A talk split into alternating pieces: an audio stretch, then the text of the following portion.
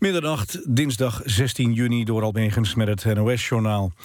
Experts van de nationale politie en defensie zijn in Oekraïne begonnen met een nieuw opsporingsonderzoek in verband met de ramp met vlucht MH17. Ze zullen ongeveer twee weken zoeken naar bewijs van wat er is gebeurd. Eind maart riepen team mensen die iets weten over de aanwezigheid en het gebruik van een boekraketinstallatie in juli vorig jaar op om zich te melden. Met hen wordt nu gesproken. De missie wordt gedaan in opdracht van het Joint Investigation Team. Daarin werken Nederland, Oekraïne, Australië, België en Maleisië samen. De republikein Jeb Bush heeft in een toespraak officieel bekendgemaakt... dat hij meedoet aan de race om het Amerikaanse presidentschap. De broer van oud-president George W. Bush is de elfde republikein... die zich kandidaat stelt voor de verkiezingen in 2016. Hij belooft onder meer een minder soft militair beleid... het verbeteren van de relatie met Israël... en hij waarschuwde voor de dreiging van mensen met extremistische opvattingen. Burgemeester Snijders van Haarlem krijgt extra beveiliging. Zijn auto brandde vannacht volledig uit. Het Openbaar Ministerie gaat uit van brandstichting... en heeft veiligheidsmaatregelen genomen. Er wordt rekening mee gehouden dat de brand een vergeldingsactie is... In april werd de baas van de Haarlemse afdeling van de Hells Angels opgepakt... vanwege de vondst van een wapenarsenaal in een loods in de stad. De Italiaanse premier Renzi dreigt vluchtelingen in zijn land... van tijdelijke reispapieren te voorzien, zodat ze verder Europa in kunnen. Renzi is woedend dat Brussel maar 24.000 vluchtelingen uit Italië over de EU wil verdelen. De premier dreigt verder met het sluiten van Italiaanse havens voor buitenlandse schepen... die helpen bij het redden van vluchtelingen op zee. Het weer vannacht opklaringen, maar in het noorden ook wat bewolking. Het blijft op de meeste plaatsen droog en het koelt af tot 5 graden. Overdag wordt het 14 tot 18 graden. Opnieuw wisselen zon- en wolkenvelden elkaar af. In het noordoosten is dan een kleine kans op een bui. Dit was het NOS Journaal. NPO Radio 1. VPRO. Nooit meer slapen.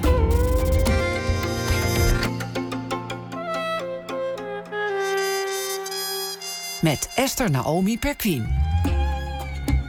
Goedenacht en welkom bij Nooit meer slapen. We doen het wel zelf, zo heet de voorstelling van Wonderbaum die over de participatiesamenleving gaat. Voelen we ons door de overheid in de steek gelaten of juist bevrijd? Straks na ene krijgt u een verslag vanaf Festival Oerol op Terschelling. En deze week zal KISS in Nederland optreden. Ja, echt, de Amerikaanse band die al 42 jaar meegaat. Wat houdt die band op het podium en wat komen fans van het eerste uur daar zoeken? Dat allemaal na één uur. Maar tot die tijd ga ik in gesprek met Saskia Stuiveling. Begin deze maand zwaaide zij af als president van de Algemene Rekenkamer. Het onafhankelijk instituut dat onder meer controleert of de inkomsten en uitgaven van het Rijk wel kloppen en of beleid wel uitpakt zoals het was bedoeld. De kritische blik boven het nationale huishoudboekje, zou je kunnen zeggen. En die kritische blik zag je zeker bij de voormalig president. Wandelend slecht nieuws werd ze genoemd. Maar vanwege haar hardnekkige pleidooi voor openheid en beter gebruik van technologie, ook wel de Haagse profeet van de digitalisering. Bij haar afscheid afgelopen maand noemde premier Rutte haar nog een gedreven vakvrouw. En later zei hij ook onderkoeld karakter. Grote waardering klonk daarin door, maar misschien ook een beetje opluchting. Want met haar gevraagd en ongevraagd advies joeg ze menig politicus de stuipen op het lijf. Saskia Stuiveling werd geboren op 3 mei 45. Ze studeerde rechten en tegen alle verwachtingen in bedrijfskunde. Ze was medewerker van burgemeester van der Lauw in Rotterdam en staatssecretaris Binnenlandse Zaken in het kabinet van Acht. En in 84 werd zij al lid van de Algemene Rekenkamer. In 99 de president daarvan. Zo'n 31 jaar lang werkte ze in het wonderlijke spanningsveld tussen getallen en verhalen. En afgelopen maand vierde ze haar 70ste verjaardag en moest, zo zijn de regels, met pensioen. Maar gezien uh, jouw grote kennis en belangstelling voor uh, architectuur, kunst en poëzie, denk ik niet dat de kans heel groot is dat jij achter de geraniums uh, gaat zitten. We gaan het daar in ieder geval over hebben, over de kans daarop. Um, Saskia Stuiveling, welkom. Dank je. Fijn dat je er bent. Kun je zelf een beetje rekenen eigenlijk? Nee, dat hoeft ook niet. Als je maar begrijpt wat uh, getallen zeggen. Het is inderdaad verhalen vertellen aan de hand van getallen. Ik heb heel lang een beeld gehad van de Algemene Rekenkamer. tot ik jou een, een, keer ontmoette. En dat werd een beetje rechtgezet. Maar ik dacht dat is een soort hele grote zaal. Ik zag een Harry Potter-achtige situatie. Een dealing room van een bank. Ja, waar dan honderden mensen zitten met rekenmachines. Helemaal niet. Het is toch een mysterieus instituut wel. Ja. Eh, nee, het zijn ongeveer 300 mensen van weer ruim 200 onderzoekers. En als we dus eh, besloten hebben om een bepaald onderzoek te doen, dan gaat er een heel klein team dat onderzoek doen. Eh, en natuurlijk gaat het ook over getallen, maar het gaat vooral over wat is er met het geld gebeurd. en dat kan je vaak niet in getallen uitdrukken.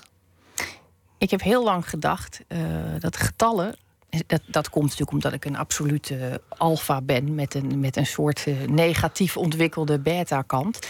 Maar ik heb heel lang gedacht dat getallen altijd objectiever waren dan cijfers, dan letters, dan, dan verhalen. Terwijl je met een beetje zinsveranderingen natuurlijk de cijfers van betekenis kunt laten veranderen. Ja, dat is precies wat, we, wat je natuurlijk eigenlijk doet. Je probeert de taal van de getallen te snappen. Want iets wat, wat je in een getal zet. Eh, bedoel, het getal 6 is niks. Behalve als je weet of het over zes mensen of zes auto's gaat. Uh, dus je probeert het, het verhaal te vertellen wat de getallen je vertellen. Zo heb jij je werk uh, volgens mij ook altijd uitgelegd. Ehm, het, het, blijft natuurlijk een, uh, een spanningsveld. Jij functioneert daar denk ik in, omdat je die verhalen in die getallen wil zien. Want je zou ook kunnen zeggen dat, dat, dat het zijn twee gescheiden werelden heel vaak. Nou ja, dat, dat zou het niet moeten zijn.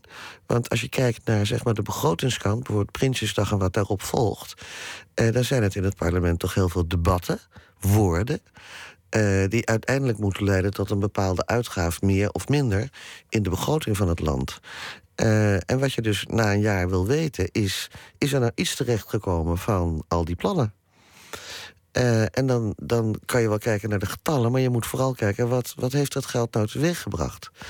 Uh, is het in jeugdgevangenis gegaan, maar heeft het ook geholpen om jongeren niet in een criminele carrière uh, te zetten? Hè, om dat te voorkomen. Uh, als het geld naar zorg gaat, wordt er zorg voor geleverd of verdwijnt het ergens in gebouwen. Dus het, het, het, de getallen alleen zeggen niet zoveel als je niet weet uh, wat er met dat geld is gebeurd. En doe nou toevallig een voorbeeld. Uh, jeugddetentie, dat is ja. een, uh, een, onderwerp waar jij uh, jaren geleden al een debat over aanzweng. Omdat je daar ja. oprecht eigenlijk ook gewoon persoonlijk boos over was. Ja, ik was echt geschokt. Waar, waar zat hem dat in? Waar ging dat destijds om? Nou, dat, dat onderzoek destijds was um, eigenlijk, om zo te zeggen, naïef begonnen. Want je denkt dat er altijd wel iets van te vinden is. Um, en toen bleek dat eigenlijk niemand getallen had over wat er met die jongeren gebeurde als ze dan een behandeling hadden gekregen. En je hebt bepaalde min of meer zware behandeltrajecten die de jeugdrechters opleggen. Een pijmaatregel heet dat. Uh, en vervolgens komen ze dan dus in een jeugdinrichting terecht. En daar is een pedagogisch concept hoe je dan met zo'n jongere omgaat om te zorgen dat hij, als hij dan het uh, instituut weer verlaat, op het rechte pad blijft. Dat is de bedoeling van die instellingen. Dan moet je natuurlijk wel iets van informatie hebben van hoe, hoe gaat het nou met die jongeren later. En dan was het. De rechters zeiden: ja, die maatregel, ja, wij gaan niet over de effectiviteit van die maatregel. Dan moet u bij die instellingen zijn. En bij die instellingen zeiden ze: ja, we hebben ons pedagogische concept. Maar we weten niet hoe dat later dan met die jongeren afloopt. Er was dus gewoon niemand die cijfers bijhield over de terugval van jongeren. Hoeveel vallen dan terug? En bovendien zei ze, oh ja, nog even... Ja, kijk, als ze dan 18 zijn, dan kunnen we helemaal niet meer bij ze. Dus kunnen we niet uitzoeken. Nou, daar was gelukkig ook het ministerie destijds van geschokt. Dus die zijn nu wel goed bezig om en het pedagogisch concept veel strakker en uh, zeg maar wetenschappelijker te onderbouwen. Welke interventies helpen wel en welke niet? Wat weet de wetenschap daarover?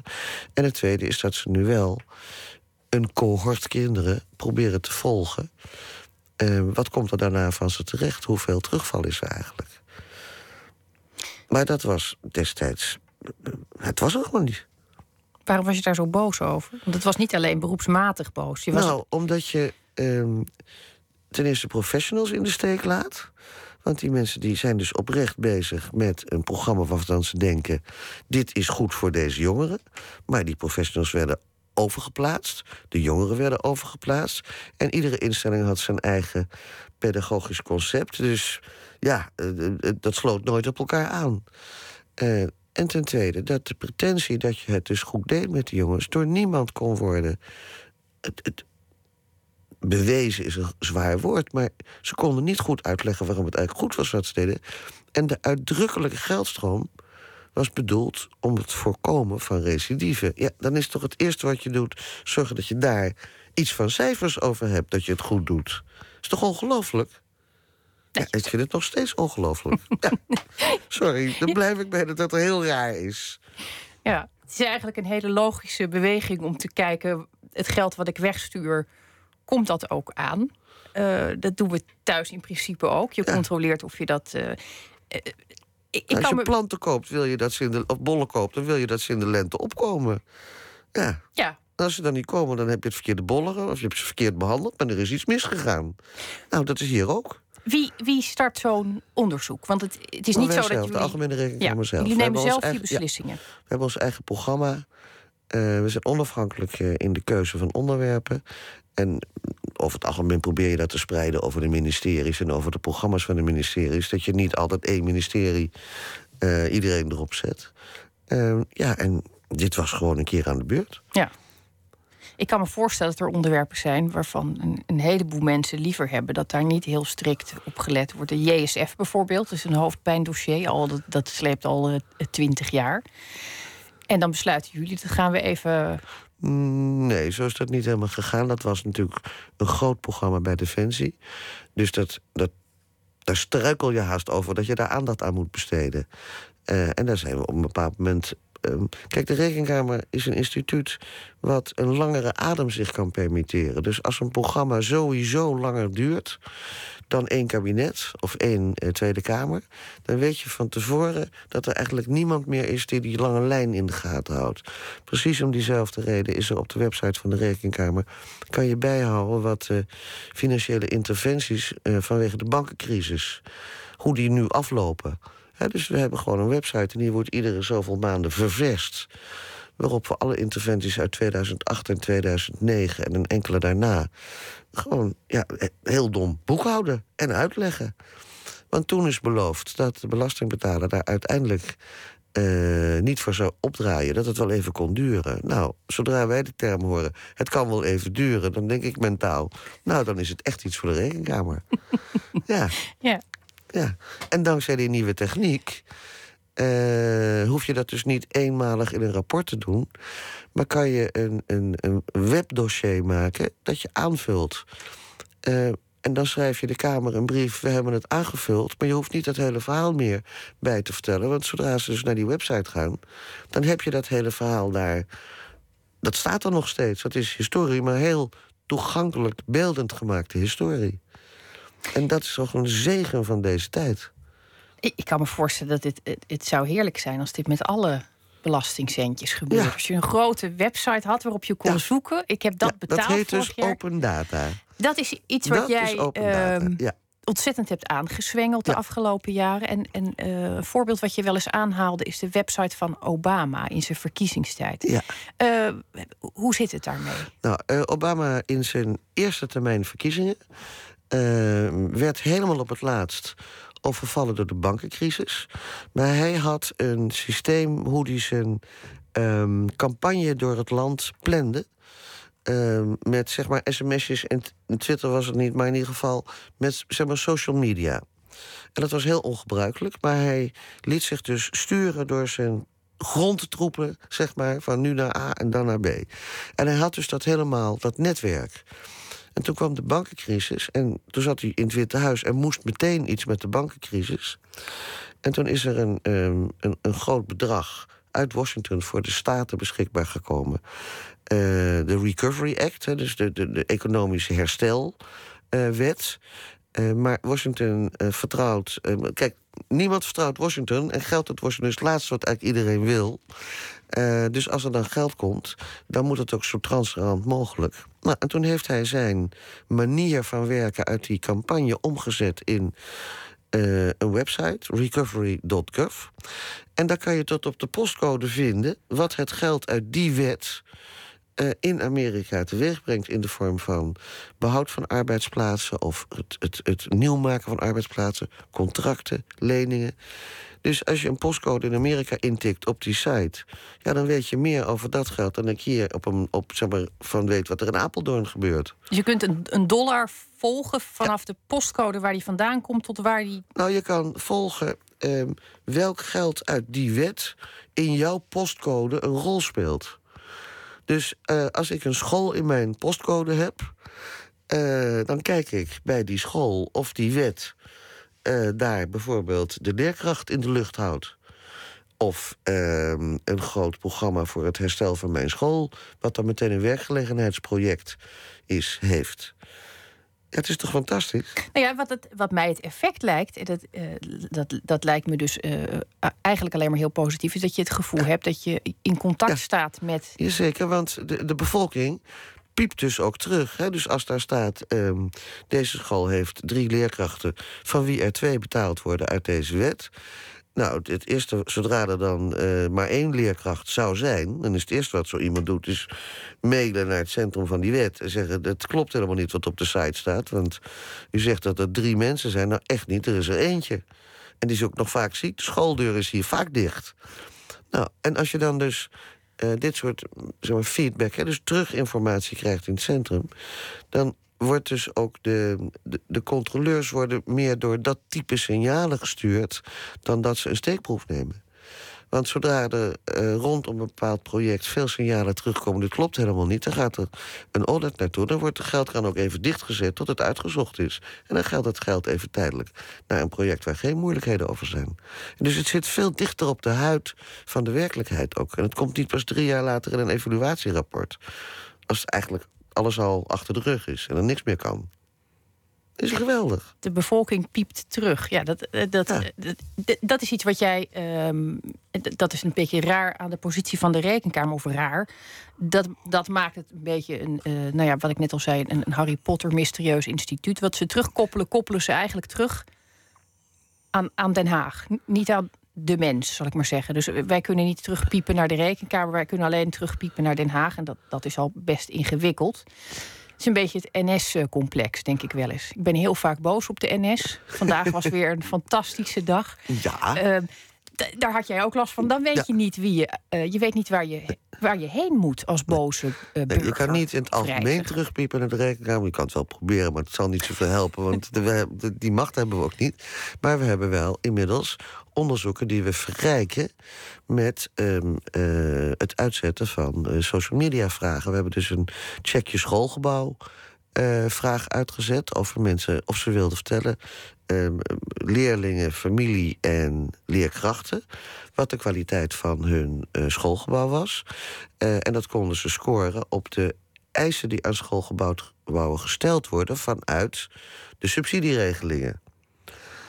Eh, dus niet in het algemeen, maar van eh, een gebouw moet schoon zijn en noem maar geen lekkende daken. Nou, score maar of het gebouw in uw ogen voldoet aan de eisen die de wet aan zo'n gebouw stelt en waar het geld ook voor gegeven wordt. Nou, dat was een vrij succesvolle actie. Ja.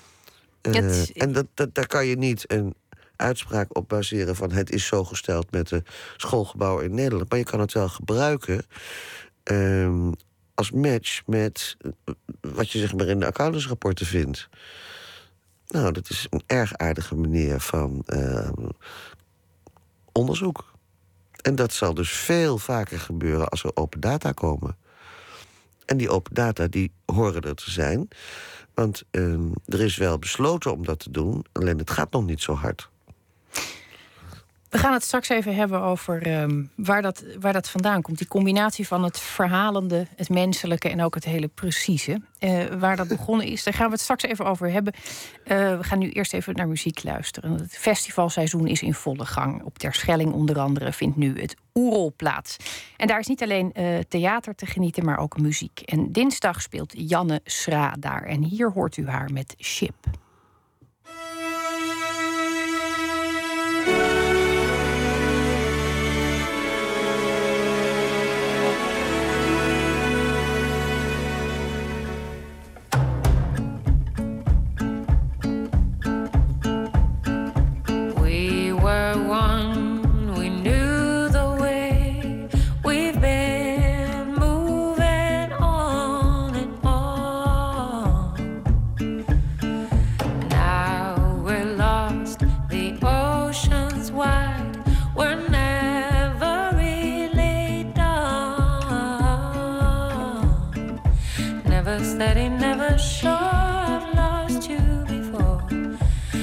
Solid, insecure, I've lost you before.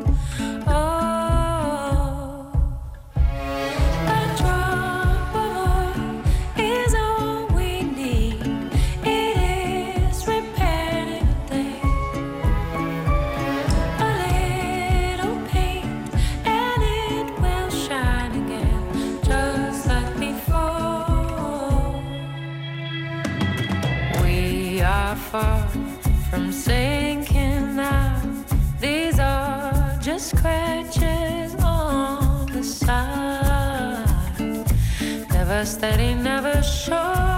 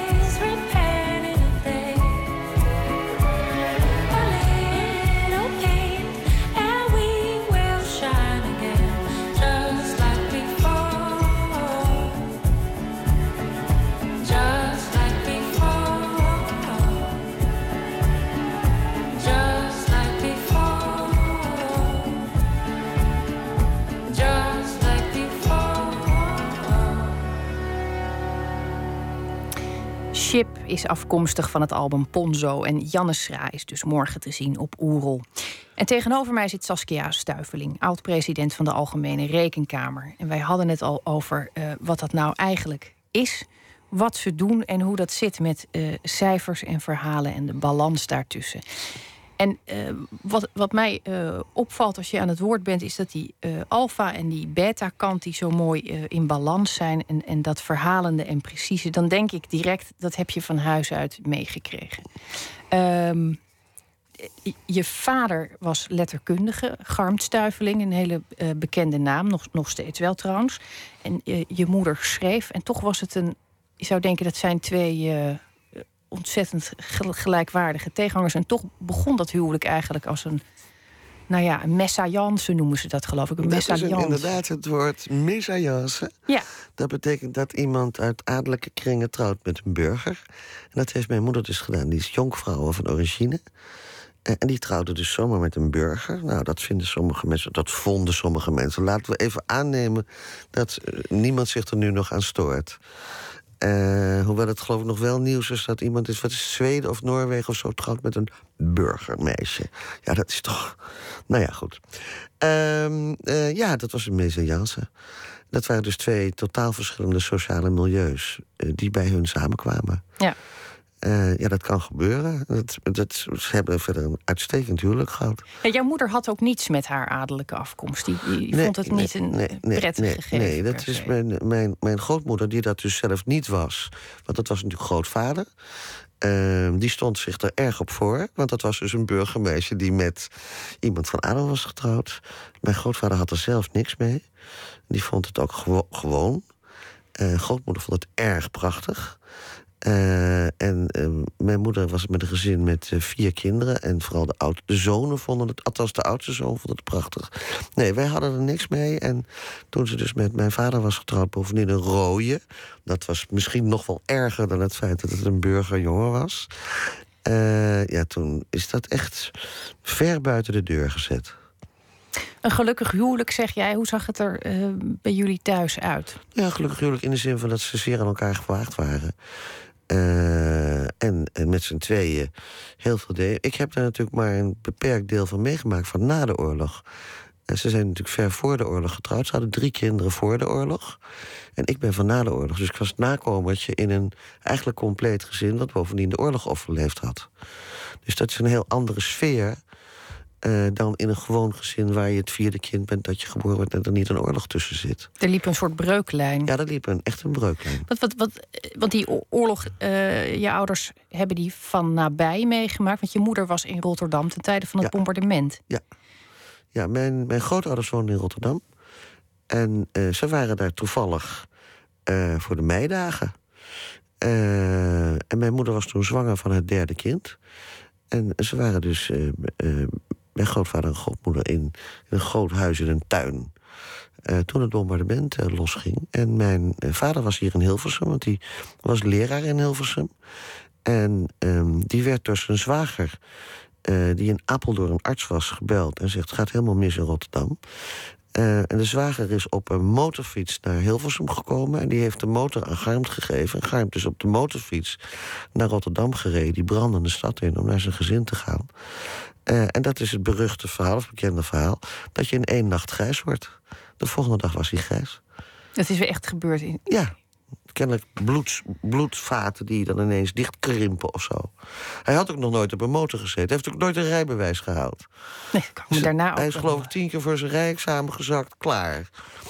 Toen hij het later probeerde. Dus die heeft op die motor daar verschrikkelijke tocht gehad. En zij hebben dus in het bombardement gezeten, ja. Dan is dat eh, gezin heeft de oorlog doorstaan. En, eh ja hier in Hilversum verder. Hè. Ze waren daar aan het logeren.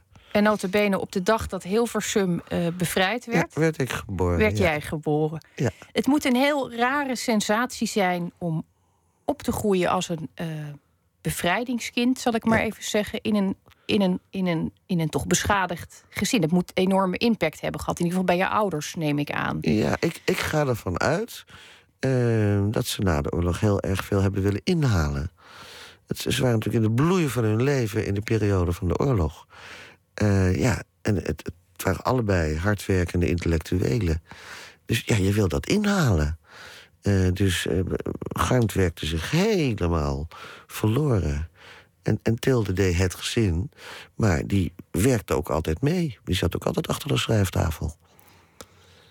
En dan was jij er ook nog. Ja, ehm, maar ik redde mezelf. ja, want er, er zat echt zo'n gat tussen de andere kinderen en mij... dat ik, ik ging mijn eigen gang. En dat vond ik ook eigenlijk helemaal niet zo erg. Je hebt dat niet als een, eh, Nee.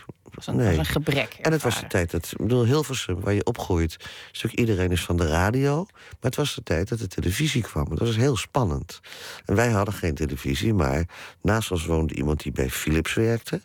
Die had een hele grote televisie. dus alles wat er gebeurde op de televisie was heel spannend. Er waren voetbalwedstrijden. En dan zaten we echt als een soort tribune bij hun in het halletje. Dan zaten we dan geloof ik met dertig man naar die voetbalwedstrijd te kijken. Dat is echt ontzettend geestig. Ja, te- televisie was er dus eigenlijk nog niet. Het was helemaal radio nog. Die televisie heeft jou blijkbaar eh, wel veel gedaan. Want het gerucht gaat dat jij actrice wilde worden in je jonge jaren. Dat is geen gerucht. Eh, ik wilde actrice worden. Eh, maar ik wilde niet het leven van een acteur leiden. Dat moet je me uitleggen. Nou, ik wilde ook een gezin en kinderen. En ik had vrij veel mensen meegemaakt die dus avonddiensten hadden, zeg maar. Eh, hier in Hilversum waren er natuurlijk veel artiesten. Eh, en dat vond ik eigenlijk niet zo geslaagd eh, gezinsleven. Dus ik, eh, ik heb het altijd erbij gedaan, een beetje. Maar ik wilde per se, en dat is niet helemaal gelukt... want daarna ben ik ook 80 uur in de week gaan werken. was ik ook altijd weg. Maar ik bedoel, mijn, mijn, mijn idee was dat ik toch een gezellig gezin wilde. Ik groeide een beetje op natuurlijk ook bij gezellige gezinnen. Want ik ging met allerlei vriendjes en vriendjes mee naar huis. En dan waren er dus ouders die er waren. En de be- bekende thee. waar je dan gezellig... Het was een heel ander type leven... wat ik bij de vriendinnetjes meemaakte... dan het bij ons thuis. Was het gezellig bij jullie thuis? Was Nee, het was niet gezellig. Nee. Nee, het was niet Er waren gezellige momenten, dat is wat anders. Maar het was niet gezellig, nee. Het was hard werken vooral. En het was, Het was hard werken, maar bovendien... ehm, eh, het, het, het huis was ook nog niet meer van een gezin. Het was van volwassen mensen. En daar liep ik nog even tussendoor. Eh, er stond heel veel Venetiaans glas, er stonden boeken, er stond tien. Er Garmt verzamelde ongeveer alles wat je maar kan verzinnen eh, aan kunst en spullen. En, en ik geloof 30.000 boeken, enfin, veel. Eh, je zou denken in zo'n eh, schrijversgezin, want je hoort die verhalen. maar dat was dus niet een bohemien gezin. Nee, nou, je verwacht ook een soort liederlijke Nee. aanloop van Nee, half nee, beschonken geheel niet. dichters en spannende Nee, ontmoetingen. geheel En- niet, want ze waren bovendien geheel onthouden. Dus liederlijk was het nooit. Nou, geen wonder dat je altijd ergens anders zat waar ze grote televisies Precies. hadden. Ja. ja. Jij, jij had eh, als kind, denk ik, al dat je blijk gaf van eh, interesse in, in, in twee kanten eigenlijk. Dus het, de, de, alfa en de beta kant, zal ik maar weer even zeggen. Eh, eh, viel, viel dat op dat je een slim meisje was thuis? Nee, thuis viel het niet op. Want dat, slim zijn was de norm, zeg maar. Dus daar viel ik helemaal niet op. Integendeel, ik was een beetje frivol en dat kon helemaal niet. Dus nee, ik werd daar, ik werd daar zeker niet slim gevonden. Nee.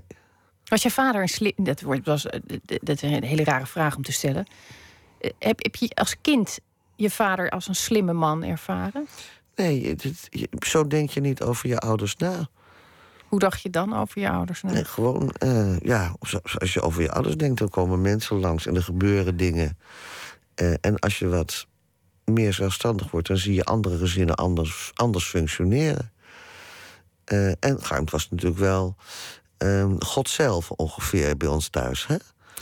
Dus eh, elke zondagochtend naar de radio luisteren, want Garmt sprak. Ehm, nee, dit, hij moest wel erg bewonderd worden. Ja. En dat is iets wat je... Dat is niet iets wat mij eh, ingebakken is, zal ik maar zeggen. Iemand echt zo te bewonderen. Nee. Was jij, was jij eh, mondig? Kon je, kon je in verzet komen tegen, tegen, het, tegen, tegen waar, je, waar je in zat? Nee. Nee, ik, ik, ik deed het door mijn eigen gang te gaan. Eh, dus ik tenniste, ik zwom. Ik zat bij de buren televisie te kijken. Allemaal frivolen. En bij eh, andere buren, eh, daar zaten ze ook televisie te kijken, maar daar keken ze leukere programma's. dus daar ging ik dan naartoe.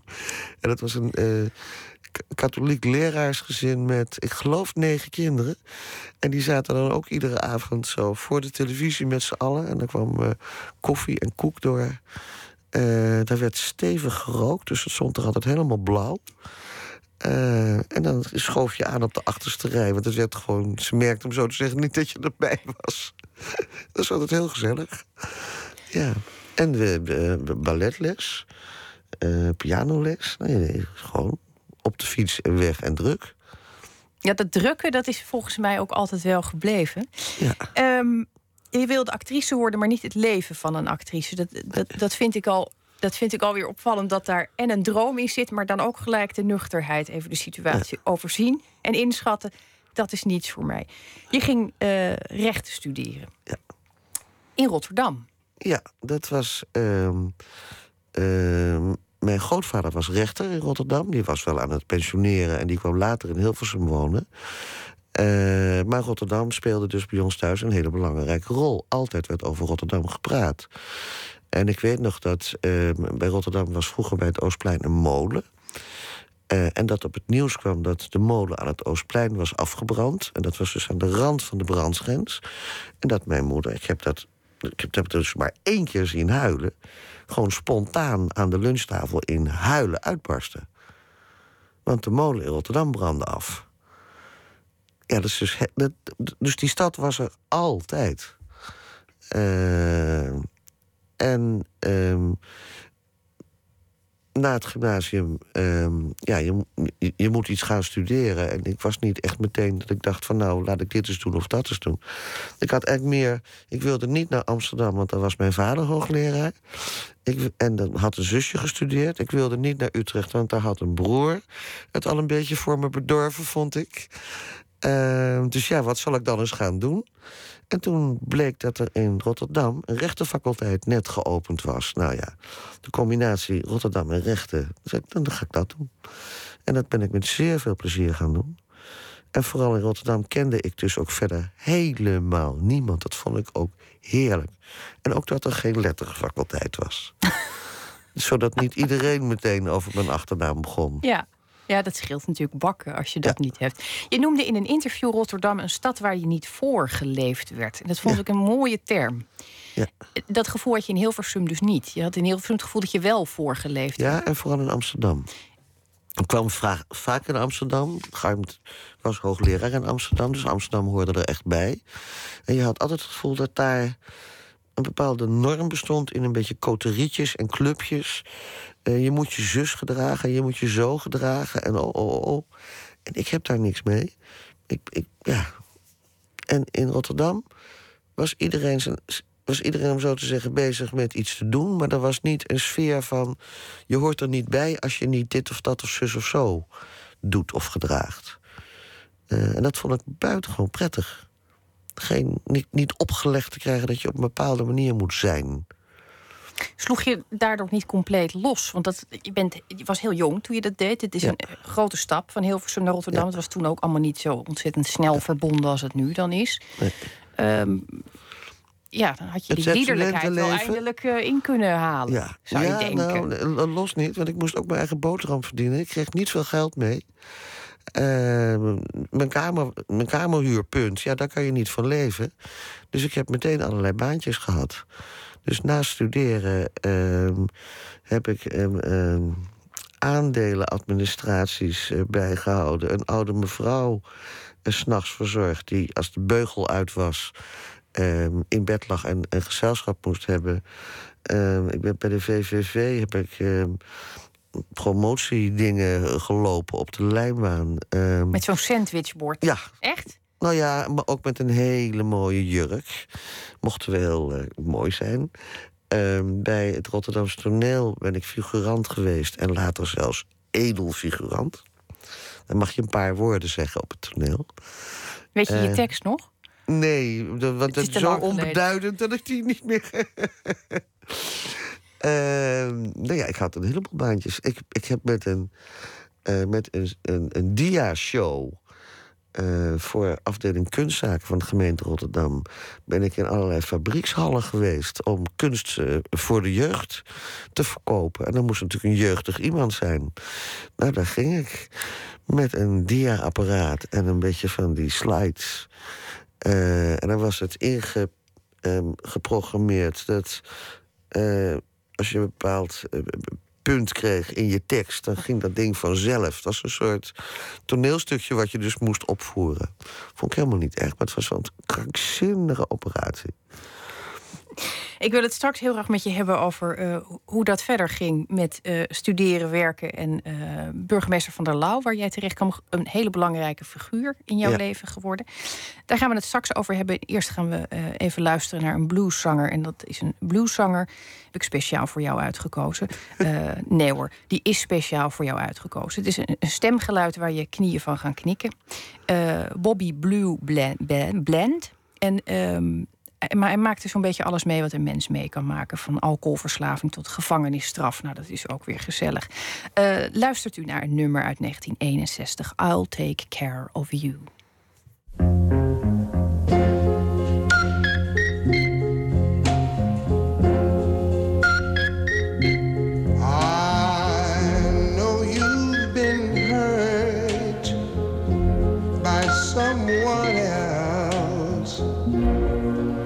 Tell by the way you carry yourself. But if you let me, here's what I'll do. I'll take care of you. I, I loved and lost the same as you. So you see, I know just what you've been through. But if you let me, here's what I'll do. Oh, I just got to take care of you. You won't ever have to worry. You won't ever have to cry.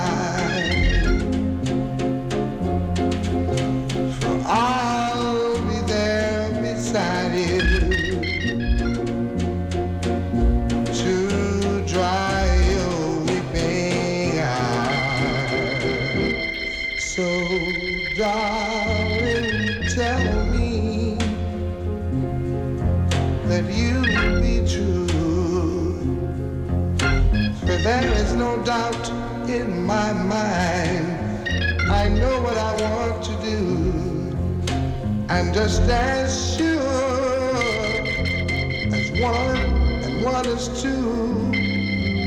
Well, you know I'll take care of you. I'll take care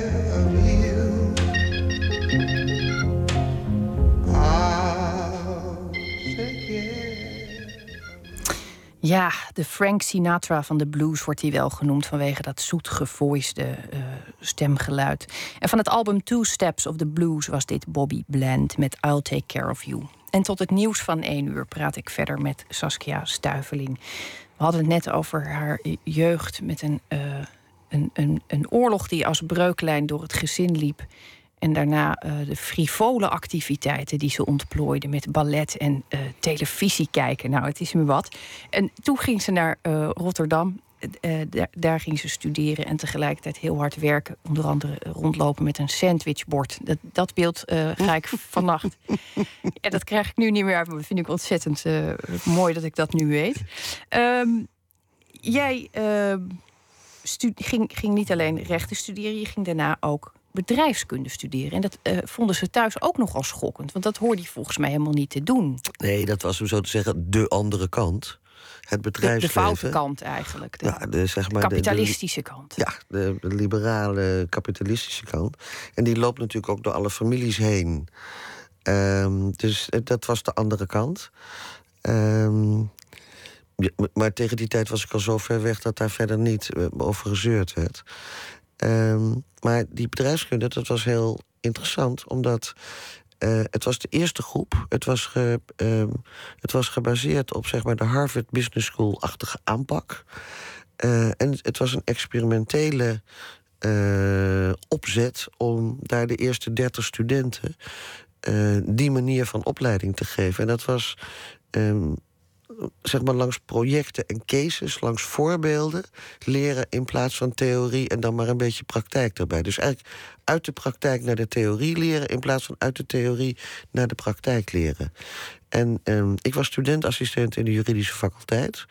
Eh, en mijn hoogleraar Langman was betrokken bij de opzet van deze interfaculteit voor bedrijfskunde. Dus ik schoof als studentassistent in dit project naar binnen. En heb daar een aantal dingen eh, mee helpen ontwikkelen. Gewoon ehm, het, het probleemgebied marketing. Eh, en werd daar zo door geïntrigeerd dat ik dacht: ja, maar wacht even. Als het nou echt is opgezet, dan wil ik dat ook. Dus, ehm, en, en ze hadden bedacht, en dat was ook erg slim van ze. Er was natuurlijk geen selectie aan de poort van studenten op dat moment. Dus hoe krijg je dan 30 studenten? Nou, je neemt ze in dienst als studentassistent. Kijk. Want dan kan je selecteren.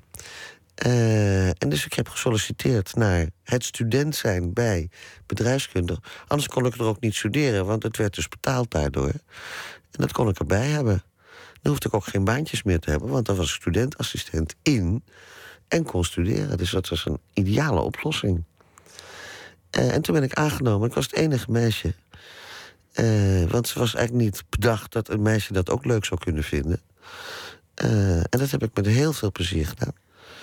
En nu is een van de klussen die ik dus nog moet doen... is mijn rechtenstudie afmaken. Want alleen de scriptie is nog niet geschreven. Echt waar? Ja, ik ben helemaal klaar, behalve die stomme scriptie. die is me net even ontglipt. Het gebeurt meer mensen hoor. Zo rond hun zeventigste verjaardag herinneren ze zich ineens dat ze die scriptie nog eh, moesten doen. Ja, dat moet ik toch afmaken. Dat is toch treurig. Je Ja. een hele studie hebt gedaan en alleen die titel niet hebt. Het voelt ook niet goed iets niet afgemaakt te hebben. Nee, dat is niet iets voor jou, denk Nee, ik. het voelt niet goed. Nee. Dus We gaan het er straks nog even over hebben wat je nog meer allemaal wil. Want je hebt natuurlijk nog wel even eh, te gaan nu je met eh, pensioen bent. eh, afgezwaaid als president. Oud-president is trouwens ook een hele leuke Ja, titel. nou, Burgemeester van der Lauw, dat is een. ehm, eh, destijds Ja. burgemeester van Rotterdam, is een belangrijke invloed geweest in jouw jonge leven. Ja. Ehm, wat, voor, wat, wat, wat was het dat je bij hem vond? Ehm, ik werd aangenomen als zijn persoonlijk assistent, zijn beleidsmedewerker. Dat bleken de voorgaande burgemeesters ook gehad te hebben, een persoonlijke medewerker. Eh, en, en wat hij wilde was iemand met een academische opleiding, omdat hij dat zelf niet had. En hij voelde zich in die universiteitsstad, helemaal in het begin, onzeker over of hij dat stukje, wat voor hem dus een blanco, eh, ja, een, onbeschreven papier was, eh, of hij zich daar wel makkelijk. eh, nou, dus hij wilde iemand die gestudeerd had en ehm, die Rotterdam een beetje kende. En dus via via werd ik aangeraden als dat ik voldeed aan dat profiel. En hij kwam in november eh, 1974. Eh, en ja, eh, ik, hij kende mij heel vaag. Ik, ik had hem ooit een keer geïnterviewd, maar dat, is, dat was mm, zes jaar daarvoor. Ehm, en het, ja, het klikte gewoon meteen. En wat hij had, wat ik niet had. ehm, ehm, hij was een hele warme persoonlijkheid. En hij kwam, om zo te zeggen, uit de praktijk naar ideeën toe. Het was net een theoreticus die naar de praktijk ging. Het was een praktijkman die daar een, ehm, een heel goed verhaal van kon maken. Ehm, en in die zin kwam ik dus uit de wat kille, rationele opvoeding en de kille, rationele eh, opleidingen. Eh, en, dat, en moest dat samen doen voor en met een hele warme persoonlijkheid. Eh, en dat heb ik van hem geleerd. Dat het niet allemaal ratio hoeft te zijn. Dat, het ook, dat je ook op je gevoel af kunt gaan, op je intuïtie. Maar dan moet je daar wel vervolgens wat argumenten bij vinden. Toch werd er, eh, want het viel me echt op in alle afscheidsartikelen en eh, lofzangen die ik eh, over je gelezen heb toen je afscheid nam, twee weken geleden, zo- zo'n beetje, ehm, zwaaide je echt af. Ik kwam daar heel vaak tegen onderkoeld. Eh, ze sidderde voor haar, meedogenloos kon ze zijn. Nou, dat soort eh, teksten. Ehm, en als ik je nu hoor, iets van die warme persoonlijkheid. Ik, ik, ik zie toch ook een, eh, heel veel. ehm, een hele sterke focus op de menselijke kant steeds. Ja, maar Is dat iets je- wat je gescheiden moest houden van je rol als president van de Rekenkamer? Eh, ja, nou ja, in zoverre dat. ehm, het wordt in Den Haag snel als hard ervaren als je kritiek hebt. En ehm, het zou jammer zijn om een onderzoek te doen. eh, wat alleen maar zegt geweldig gedaan, geweldig gedaan. Want het is natuurlijk de bedoeling dat je juist probeert een beetje de, de, zeg maar de, de buitenkant van die Rijksdienst. Eh, daar de bobbels uit te strijken. En niet aan de binnenkant te roepen: wat geweldig, wat geweldig. Dus, dus nou ja, wat, eh, het was een quote van mijzelf: ik ben wandelend slecht nieuws. Ehm, omdat je. Je opdracht is om te zorgen dat het goed besteed wordt. En vooral dat het ehm, doeltreffend besteed wordt. En mensen vinden dat natuurlijk niet leuk dat je ze die spiegel voorhoudt. Dus hoe je het ook zegt, dat wordt altijd als een hard oordeel ervaren. Ga je dat missen? Die invloed? Want het, is natuurlijk een behoorlijke invloed. Nee. Nee, ik heb het nooit met mezelf, op mezelf betrokken. Het is institutioneel. Je hoort mensen na, na vijf jaar bij een krant en dan worden ze ontslagen. Hoor je wel eens zeggen van ja, ik vind het moeilijk om, de, om, om dat los te laten, want het is mijn identiteit geworden. En, nu- en Ja. nu zeg jij na 31 jaar rekenkamer, ik stap eruit en het is. Nee. Nee, ik stap er als mezelf uit. En je laat de rekenkamer achter. Ja, maar in goede handen. Dat scheelt natuurlijk wel. Dat scheelt zeker. Ja, want je doet niet 31 jaar je, je werk en denkt dan van nou, zoek het maar uit. Nee, ik laat het in hele goede handen achter. We gaan het eh, samen met jou afwachten. Het is nog niet bekend wie jouw opvolger wordt. Nee. nee. Wat wel eh, bekend is, is eh, dat jij ehm, niet achter de geradiums gaat zitten. Ik denk dat we dat ook wel kunnen concluderen. Als ik terugkijk op dit gesprek, is aan alle kanten duidelijk dat je het niet in je hebt om lekker bejaard te gaan zitten wezen. Ehm, er is wel iets wat je nog te doen hebt in de vorm van een familiearchief. Ja. Wat moet ik me voorstellen bij een familiearchief als beeld? Nou, ehm, eh, dat is dus niet een mooi geordend stapeltje eh, mappen. Eh, nee, er zijn, het is niet, niet zozeer een familiearchief als wel een heleboel spullen van zowel de familie van mijn echtgenoot als de familie van mijn moeder, met name, de trippen. Ehm, waarvan alles nog in zit. Wat ik niet zomaar even weg kan gooien. En dat is natuurlijk door het overlijden van mensen en dan verhuizingen en boedels. Dat we hebben nu bij elkaar een loods van 6 bij 13. En die staat echt tot de nok.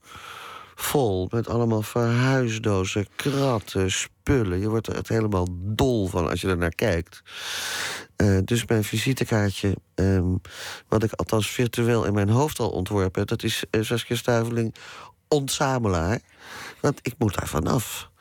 En dat kan niet weggegooid worden. Daar zitten eh, bijvoorbeeld ehm, waarschijnlijk een stukje archieven... van mijn grootvader als vicepresident van de rechtbank in de oorlog... Uh, terwijl de president een NSB'er is geworden. Hij is de hele oorlog uh, meneer de president genoemd door zijn collega's. Uh, nou ja, daar zijn dat type spullen. Uh, en dat ligt niet dus keurig voor het oprapen daar. Dat kom ik in één van die dozen hopelijk tegen. Uh, in de tijd van Van der Lauw en daarna ben ik heel actief geweest voor de Chileense gemeenschap die in ballingschap hier leefde. Uh, daarvan heb ik ook nog een heleboel archieven. Ja, dat moet naar of het Instituut voor Sociale Geschiedenis... of gedeeltelijk naar het gemeentearchief Rotterdam... of gedeeltelijk naar Santiago, naar Chili zelf. Ja, daar moet ik een beetje zorgvuldig mee omgaan. Heb je de is... neiging om, om uh, want ik kan me voorstellen... zeker met de familie die je hebt... de, de, de grootvader die je net noemt, die vicepresident van de rechtbank, daar, daar zit alleen al daar aan. Dat, dat, ja, dat is gewoon een verhaal in zichzelf. Onvoorstelbaar mooie verhalen vast. Ja. Um, heb je niet de neiging om te gaan schrijven? Want je hebt nu de tijd, hoop ik. Desnoods achter de geraniums kun je ook schrijven. um, ja, dat vragen wel meer mensen. Um, nog niet. Uh, maar het kan best zijn dat ik over die grootvader als ik wat dingen heb uitgezocht, het verhaal vertel van wat ik heb uitgezocht. Uh, alleen waar ik dat dan kwijt zou moeten, dat weet ik nog niet precies. Nee, nou, ik hou me in ieder geval warm aanbevolen. jouw moeder werd 103, als ja. ik het goed heb. Dat betekent ja. dat jij in dit geval nog uh, meer dan 30 jaar te gaan hebt. Ja, als ik die genetische componenten ja, heb. laten we daar even, laten we gewoon, daar even van uitgaan. Van uitgaan. Wat, wat zijn de wat is, wat is het ding dat je dan nog wil waarmaken of wil afmaken of wil. Nou, in elk geval wil ik dus echt uh, die loods verantwoord leeg organiseren. Uh, want dat kan ik onze kinderen niet aandoen. Uh, eigenlijk vind ik ook dat het mij een beetje is aangedaan. Dat ik als, als jongste een beetje daar uiteindelijk in het zeg maar, afvoerputje van al deze archieven en, en, en uh, spullen zit. Uh, maar goed, het, het, is ook weer een avontuur om te kijken wat ik er allemaal ga aantreffen. Ehm, dat, dat is één ding. Uh, en verder wil ik nog iets met open data. Ja. Uh, want open data is natuurlijk een techniek. Uh, maar ik zit te zoeken naar iets waar ik zeg maar een, een goed plan van hoe ik iets met open data en internationaal. Uh, want open data onttrekken zich dus aan landsgrenzen, dat is ook het interessante. Uh, dat ik op een aantal thema's toch probeer een soort open data zwiep te geven aan bepaalde onderwerpen. Nou, je, je, je, laat ons in ieder geval vannacht achter met het gevoel dat er nog heel veel plannen zijn om te verwezenlijken, wat alleen maar een heel prettig vooruitzicht is, denk ik. Ik wil je heel hartelijk danken dat je er was en uh, je alle goeds wensen met je oud-presidentschap en de loods vol met de dozen. Dank je wel, Saskia Stuiveling. Dank je wel. Napoleon Bonaparte is misschien wel de meest gedocumenteerde persoon uit de geschiedenis. Er zijn boeken verschenen over zijn schoenen, zijn broeken, zijn vrouwen en zijn geslachtsorgaan. En donderdag is het exact 200 jaar geleden dat de slag bij Waterloo plaatsvond, waar Napoleon definitief werd verslagen. De Vlaamse schrijver en conferencier Bart van Loo, die zelf ook een boek schreef over Napoleon, bespreekt deze week vier bijzondere boeken die over de Franse veldheer zijn verschenen. En vanavond is dat Napoleons burgerlijk wetboek op rijm. Fransen vergoelijken Napoleon wel eens met Bonaparte. Bedoel ik daarmee? Dat klinkt ingewikkeld, dat is eigenlijk heel eenvoudig. Ze schermen met de Code Civil, het meesterwerk van Bonaparte, om de excessen van Napoleon te verstoppen. Het klopt dat die Civil een meesterwerk is. Het is inderdaad het, het scheppen van eenheid in uh, vaak lokaal verankerde, tot de middeleeuwen teruggrijpende spelregels die in één overal geldend wetboek komen. Vanaf 1804 moeten dus voortaan generaties jonge Fransen dit wetboek bestuderen en meerdere artikels ook uit het hoofd kennen. Moeten kunnen reciteren. En dan is er een, iemand waarvan we de naam niet exact weten, wel zijn initialen, JHFR, die in 1805 een Code civil rimé publiceert. De Code civil des Français mis en vers. In zijn eh, preliminair schrijft die man... Ik hoop dat in een tijdperk waar de studie van dit wetboek zo belangrijk is geworden... een versie op rijm, een poëtisch wetboek dus... van enig nut kan zijn voor jongeren die rechtenstudies aanvatten. Het opvallende bij dat wetboek is wel dat het een zeer seksistisch wetboek is. Napoleon heeft zeer voor goede bedoelingen om de gelijkheid onder de mensheid te brengen... maar daar wordt de vrouw niet meegerekend. En, en daar kom ik bij wat ik even uit dit... want wat ik natuurlijk u wil meedelen, uh, beste luisteraar... is uh, enkele stukjes, enkele berijmde stukjes wetboek. Ik dacht, laat ik dan ook maar een poëtisch onderwerp nemen. Overspel. Het overspel wordt niet met gelijke munt betaald. De vrouw, als je overspel pleegt, wordt heel streng bestraft. Zelfs moet zij eventueel naar een gevangenis gaan. Bij een man is dat helemaal niet het geval. Lorsque la femme est adultère, en pareil cas, le mari peut, pour cette cause, s'il le veut, demander le divorce à ses yeux nécessaires. Het is een omarmend rijm. A, B, B, A. Pas op, als de vrouw dus overspel pleegt, dan, dan kan ze eventueel naar een gevangenis gestuurd worden. Maar een man een man mag eigenlijk overspel plegen. Het is alleen als hij de dame waarmee hij overspel pleegt... laat inwonen in het huis zelf, waar dus ook zijn vrouw woont... dat is dan reden voor de vrouw om de echtscheiding aan te vragen. Lorsqu'en la commune maison, le mari tient sa concubine... un semblable fait détermine du mari l'adultère et pour cette raison, la femme peut demander le divorce afin que son hymen soit dissous et sans force. Hymen, dat is het maagdenvlies, maar dat is tegelijkertijd ook nog een oude term om het huwelijk mee uh, aan te duiden. Overspelige mannen met een voorliefde voor poëzie moeten niet aarzelen. Deze code civiel op rijm is voorwaar geen clandestien, maar een pro-masculien, anti-feminien, wat karamellenverzen betreft, ongeziene evergreen uit de zeldzame Napoleon boekjesbibliotheek en mocht dus niet ontbreken in deze reeks. U hoorde Bart van Loo over de Code Civiel op Rijm. We mogen drie exemplaren weggeven van het boek dat Van Loo zelf over Napoleon schreef. En kijk daarvoor even op onze Facebookpagina.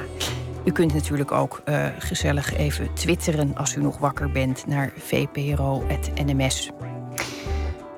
Na het nieuws gaat Nooit meer slapen nog een uur door. En dan horen we wat schrijfster Karin Amoud Moukrim heeft geïnspireerd tot het schrijven van een kort verhaal. En we berichten over de mogelijke komst van een Rietveldmuseum. Waarom is dat er nog niet en zou dat er wel moeten komen? Dat en meer hoort u straks na het nieuws van 1 uur.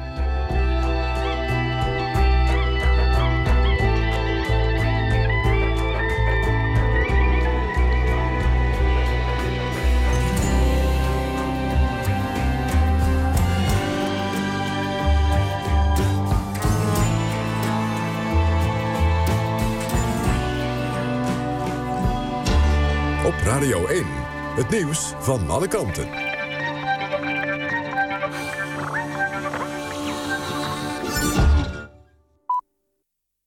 1 uur door Almegens met het NOS-journaal. Visverwerker Foppen uit Harderwijk gebruikte tot november natriumnitriet in zijn visworsten.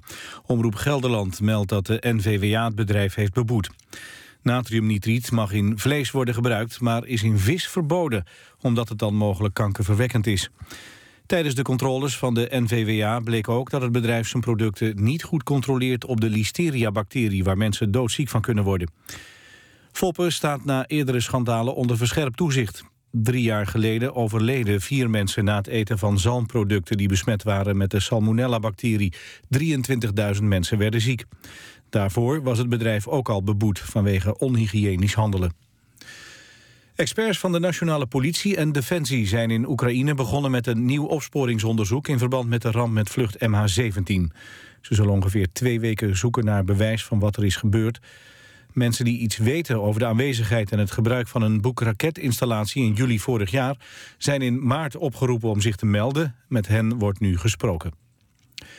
De republikein Jeb Bush heeft in een toespraak officieel bekendgemaakt dat hij meedoet aan de race om het Amerikaanse presidentschap.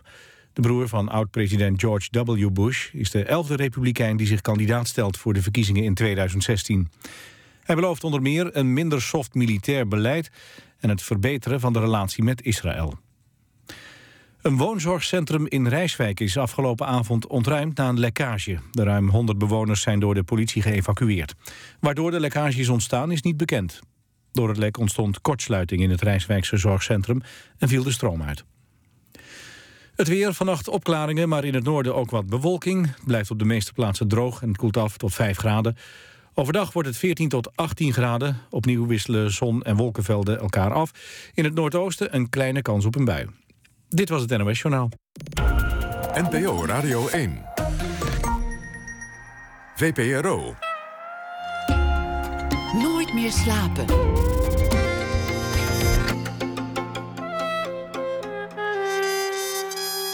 Met Esther Naomi Perquin. Welkom en uh, terug bij Nooit meer slapen. Ik vertel nog even wat wakker blijven allemaal oplevert. Allereerst een antwoord op de vraag hoe je een voorstelling maakt over de participatiesamenleving. Wij vragen het de makers van het theatergezelschap Wonderbaum, die op Oerol staan met het stuk We doen het wel zelf. En deze week zal KISS in Nederland optreden. Die Amerikaanse band die al 42 jaar meegaat. Wat houdt die band op het podium en wat komen de fans van het eerste uur daar zoeken? Maar we beginnen dit uur weer met een kort verhaal bij het nieuws. En deze week doen we dat met schrijfster Karin Amat Moukrim. Ze publiceerde tot dusver vijf romans. Het Gim en De Man van Veel zijn de titels van haar laatste boeken. Karin, goedenacht. Goedenacht, Esther. Hoe zag jouw dag eruit? Um, rustig. Ik heb geschreven. dus uh, heel overzichtelijk. Ja, deed je dat binnen? Dat deed ik binnen. Ik ben pas uh, met het avondeten naar buiten gegaan om uh, um, ergens wat te gaan eten, vlakbij waar ik woon. En toen besefte ik, uh, zoals dat gaat, pas toen ik de deur opendeed... dat het voor het eerst was dat ik buiten kwam vandaag. ja, nou, je hebt in ieder geval een mooie avond mee kunnen pakken. Ja, ja. ja zeker, zeker. Heb jij um, vandaag door kranten gebladerd... of ben jij iemand die, um, die het in het innerlijk nieuws zoekt? Uh, doorgaans meer het innerlijk, inderdaad. Maar toevallig uh, viel mijn oog vandaag wel op een, uh, op een nieuwsberichtje vanochtend. En daar was ik erg van geschrokken. En daar is um, eigenlijk meteen een, een verhaal, kort stukje uitgerold voor, voor, voor vanavond. Um, dus het is wel inderdaad wel geïnspireerd op wat ik in de krant heb gelezen. Ja. Wil je het uh, verhaal lezen of wil je de aanleiding vertellen? Wat is, wat is de, de, prettigste volgorde voor ons? Ik denk dat ik hem eerst even ga voorlezen. Nou, dan luister ik heel graag naar je. Oké. Okay. Achter de duisternis vermoed ik de zee, zoals hij er lag in de nachten van mijn jeugd. Voorbij de duinen, voorbij het strand, waar geen licht meer schijnt omdat op het water de duisternis heerst. Waar als antwoord op de dag wanneer het hoge licht van de hemel in het oppervlakte van het water in de nacht de diepte van de zee weerspiegeld wordt.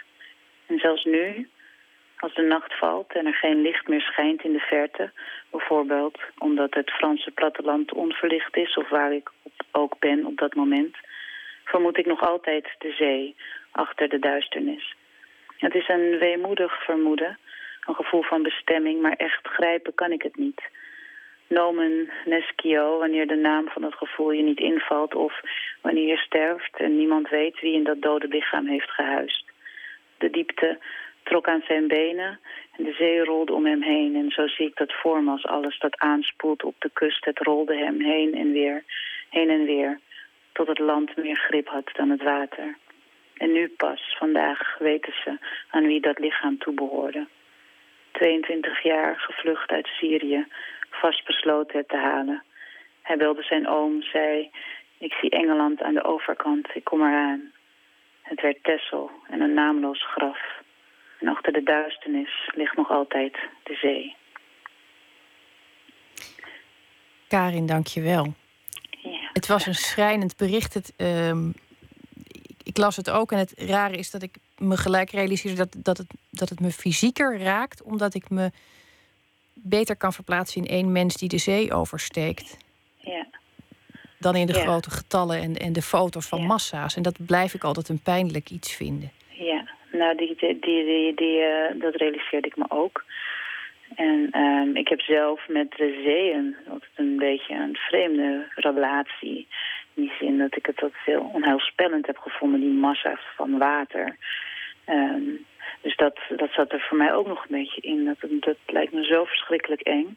Maar inderdaad dat, dat hele concrete, dat we ons op één iemand focussen... en dat dat zo veel, ehm, dat we ons daardoor veel beter kunnen invoelen hoe eenzaam zo'n dood moet zijn...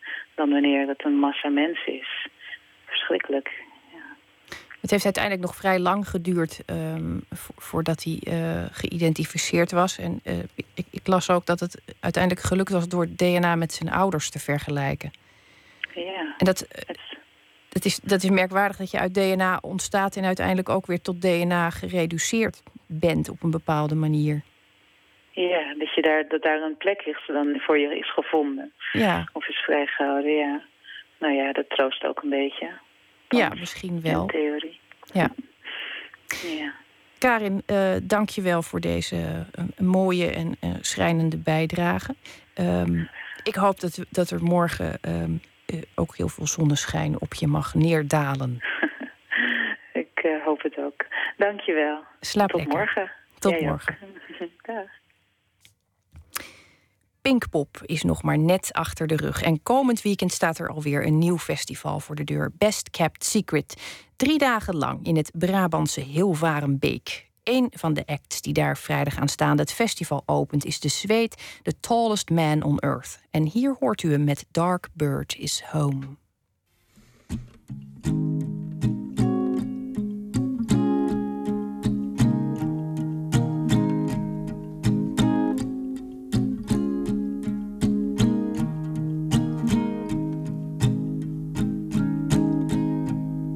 So there were no higher mountains, it's all in your hand. A valley was the future, sea, and our sails the plan. And in this travel with no journey, I lose till I'm live. Letting go of mine to have what I'm keeping now.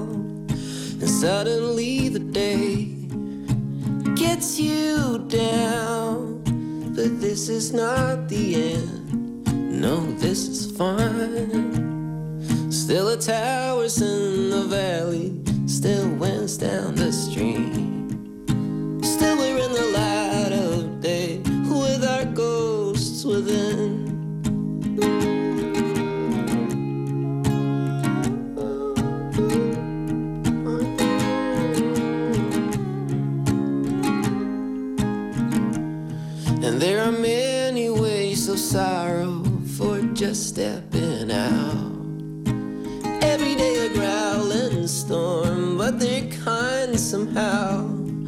Fall in love, but keep on falling. I held you for life, but letting go in hand, there's just leaving now.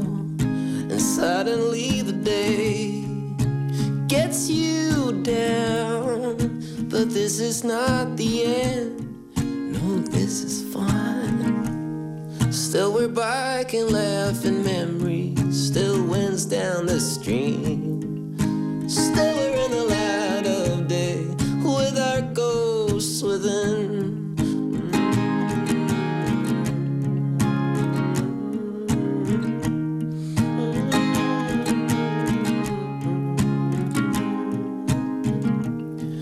When there's no one on the bottom, you got there alone. Kicking up some dust to see where a wind could blow. And all the ways to ride a lightning, I've used up a few. And I just want you to be safe as I thunder through.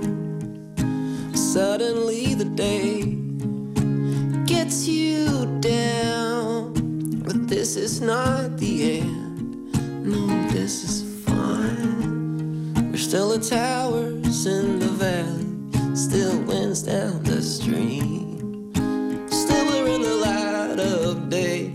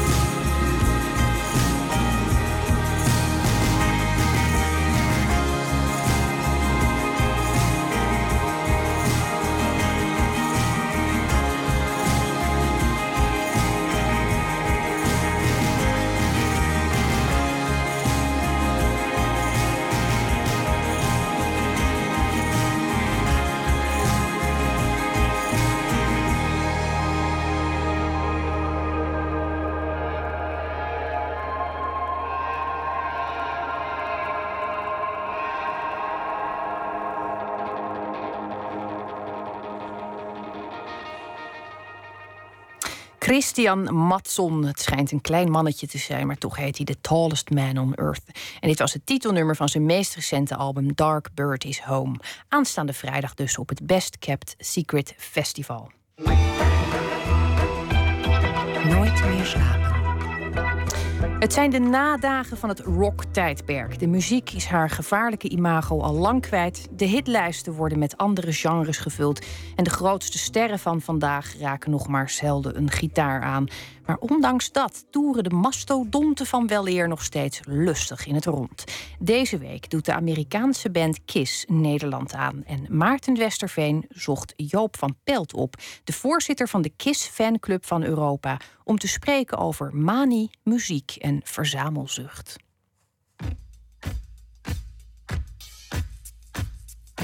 Een flippenkast, stripboeken, golfballetjes, stropdassen. Van die eh viewcards van vroeger. Dat, dat wordt nu niet meer gemaakt. Poppetjes, eh boxershorts. Als het KISS-logo erop past, kun je ervan uitgaan dat het er is. En als het KISS-logo erop staat, kan je ervan uitgaan dat ook Joop van Pelt het heeft. Goed, Joop draagt niet de spandex pakken, heeft zelfs nog nooit de distincte smink opgehad, draagt geen KISS-tatoeage, maar geniet onder medefans een bijzondere reputatie. Joop stond jaren aan het hoofd van het Europese KISS Army, de fanclub van de Amerikaanse band. Een soort paus van de KISS-kerk, zo gezegd. Een leven lang een band achterna. Een huis vol KISS-golfballen en stropdassen. Een platenkast met elk album in elke uitgave. Hoe heeft het zo ver kunnen komen? Dat was in 79. KISS die stond toen met I Was Made for Loving You in de hitparade op nummer 1.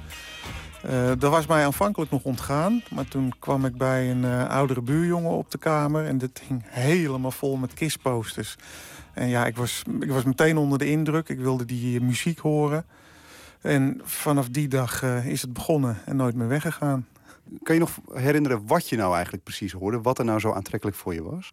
Ja, totaalplaatje. Het eerste wat ik zag was hoe ze eruit zagen. Toen kende ik de muziek nog niet eens. Sterker nog, ik, het logo stond op al die posters. Ik wist niet eens of er nou KISS of Key 44 stond. Dus ik moest eerst vragen, wat staat er nou? Nou, het bleek dus KISS te zijn. En ik, ik, in die periode was ik jarig, dus daarom weet ik niet of ik nou 9 of 10 was. Want was het nou voor of na mijn verjaardag. Maar ik heb toen uh, die LP gekregen, Dynasty, waar I Was Made for Loving op staat. En ja, vanaf dat moment uh, is het allemaal uh, gebeurd. En ben ik erachter gekomen dat ze nog veel meer platen hadden. En ben ik ook al die oude platen gaan aanschaffen. Um, maar ja, het, het was gewoon totaalplaatjes. Zowel hoe ze eruit zagen als de muziek. Ik ben heel trouw, want ik ben daarnaast ik ben ook heel groot fan van de Stray Ook vanaf die periode. En dat ben ik ook nog steeds. Dus ja, ik weet niet wat het is. Ja, waarschijnlijk omdat je het in, in je vormende jaren mee in aanraking bent gekomen. En dan heeft het toch een speciaal plekje. Dan kom je er niet altijd meer vanaf. Dit is wel, ik ben wel wat minder fanatiek. Ik heb nu ook uh, andere prioriteiten. Uh, zeker sinds ik een kind heb. Maar ja, als dat er eenmaal in zit dan komt dat er vaak toch niet meer helemaal uit. Juist als je op, op in, in die vormende jaren leert kennen. Dat is anders dan de muziek die je nu leert kennen. Want er is in de afgelopen decennia ook geen artiest geweest waar ik zoveel mee heb of waarvan ik de muziek zo goed vind als van Kiss of de Stray En waar beleef je dat in? Is dat op plaat of is dat als ze op het podium staan? Nee, in beide gevallen. Uh, tuurlijk sowieso op de plaat, eh, want dat kan elke dag. En die ene keer dat ze dan eens hierheen komen, is dat alleen maar een extraatje. Maar uiteraard uh, in beide gevallen. Want uh, je zegt, ik ben heel trouw. Dat, nou, dat, uh, dat is ook wel ontroerend, want ik, ik kan me dat bij bepaalde muzikanten inderdaad ook wel zelf iets in herkennen. Maar waar, waar, bestaat die trouw uit? Dat je hè, eenmaal die band aanvaardt, dan gewoon niet meer laat gaan door dik en dun. Dat is, wat zou er gebeuren als je het op zou geven? Nou ja, ik moet wel vooropstellen dat ik het nog steeds goed vind. Als, als ik het niet meer goed zou vinden, dan ga ik niet doen alsof ik, alsof ik het nog steeds geweldig vind en het nog steeds volgen. Dus je, je moet het wel echt eh, nog steeds de moeite waard vinden. En, en dat is nog steeds het geval. En ja, ik, ik, zie niet zo snel gebeuren dat dat opeens echt helemaal over zou zijn. Fan zijn is enerzijds ergens bij willen horen... en je anderzijds juist uniek voelen door die keuze. Dat die twee kanten met elkaar kunnen botsen... hebben de leden van de bands Tiny Kiss en Mini Kiss ook ondervonden.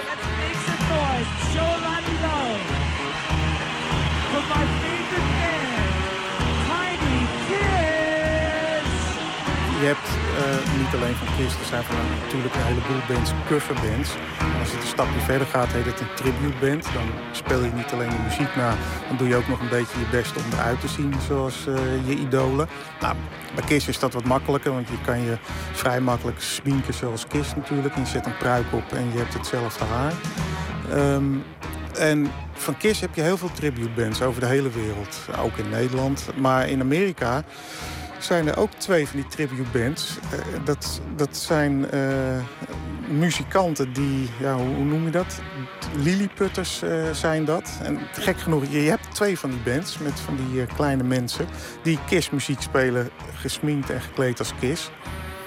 En ja, daar is toch ook een soort onderlinge strijd ontstaan. Want ja, ze willen allebei de beste zijn. En het schijnt dat dan de, de ene kleine gitarist in een gitaarkoffer naar binnen is gesmokkeld in, de, in het Hardrock waar de andere band optrad. En dat is een beetje uit de hand gelopen. Hoewel de band in 73 is opgericht, viert de band hier in Nederland zijn 40-jarige jubileum. Ik ga nu niet meer voor de show, want om een paar bejaarde mannen van die pakjes te zien met uh, make-up op hun gezicht Nee, dat, dat, daar ga ik inmiddels niet meer voor. Want dat, spektakel, dat, dat ken ik nu wel. En dat heb ik zo vaak gezien. Het is nu echt puur nog de muziek uh, die ik wil horen. Want ik zou eigenlijk liever hebben dat ze nu zonder die make-up uh, verder zouden gaan. En gewoon in spijkerbroek en t-shirt eh, de muziek maken. Maar ja, er zijn genoeg mensen. En gek genoeg ook nieuwe fans, jonge mensen... die het nu pas ontdekken.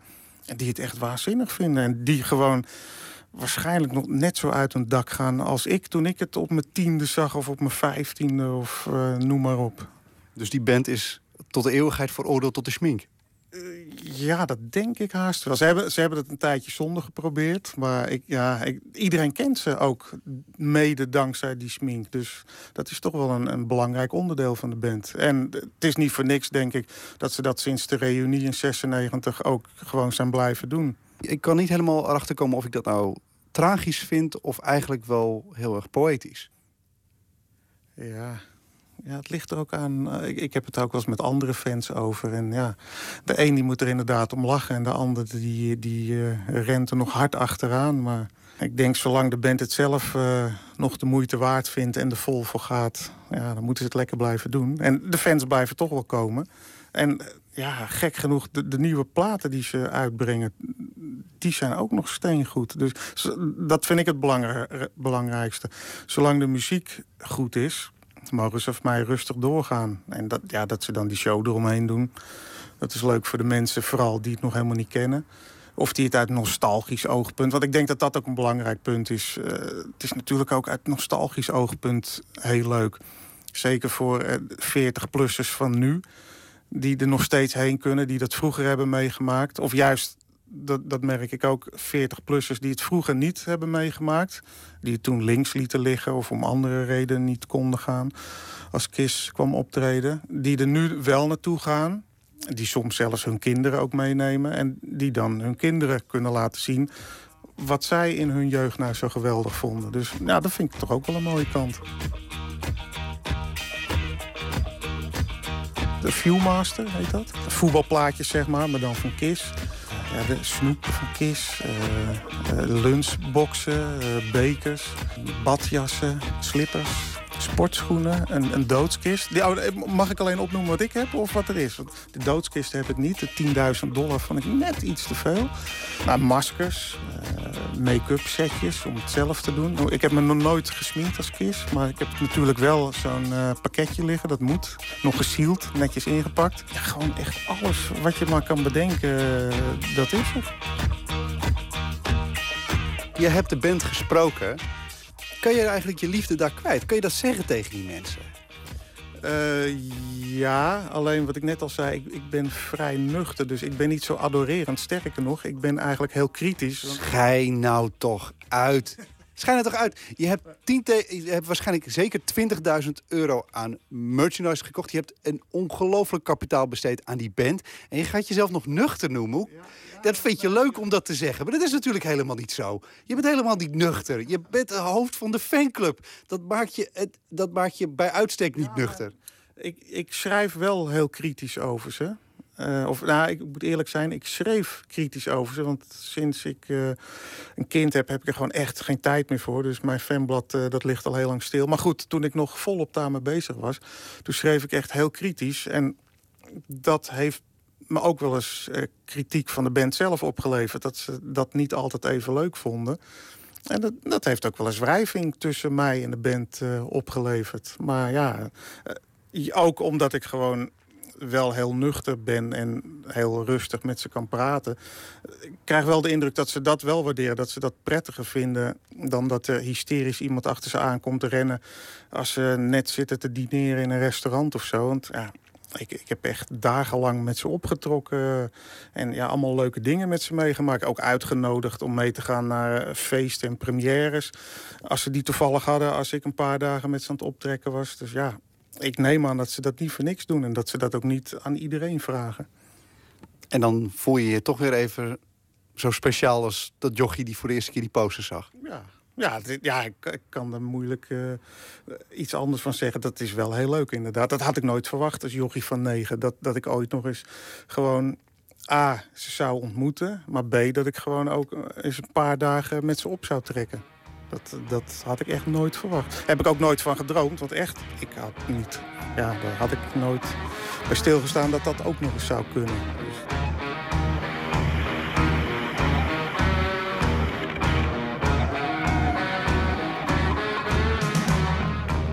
U hoorde Maarten Westerveen in gesprek met Joop van Pelt, de KIS-paus van Nederland. En de band KIS staat komende donderdag in de Amsterdamse Ziggo Dome. Dan Auerbach, de helft van het duo de Black Keys, maar hij heeft aan het enorme succes van die groep blijkbaar niet genoeg, want hij is ondanks een zijproject begonnen met de naam The Arcs. Aan het einde van de zomer verschijnt er een heel album, Yours Dreamily. Maar hier is alvast het nummer Stay in My Corner.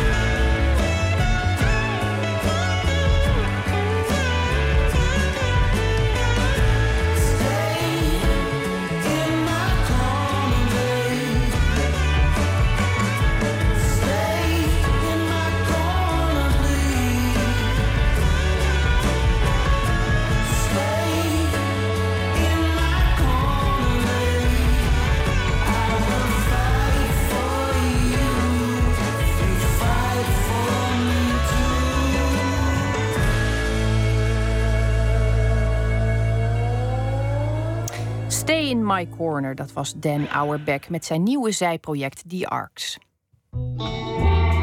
Nooit meer slapen. Een fijne rapportage vanmorgen in de Volkskrant. Gemaakt door Bob Witman, die dit weekend naar Uithoorn trok. Dat ligt eh, onder Amsterdam. Naar een gebouw van Gerrit Rietveld. Dat de architect ooit ontwierp als kerk. Een mooi staaltje van het nieuwe bouwen. Het is nu een bibliotheek, maar verdween eerst al de kerk. Nu staat die bibliotheek ook op het punt te verdwijnen. De erven van de architect spelen nu serieus met de gedachte er een Rietveld museum in te willen maken. En nachtcorrespondent Anton de Goede bericht. Ja, Esther. ehm, Gerrit Rietveld, de grote architect. Grafisch ontwerper, ook meubelontwerper. Lid van de kunstenaarsgroep De Stijl.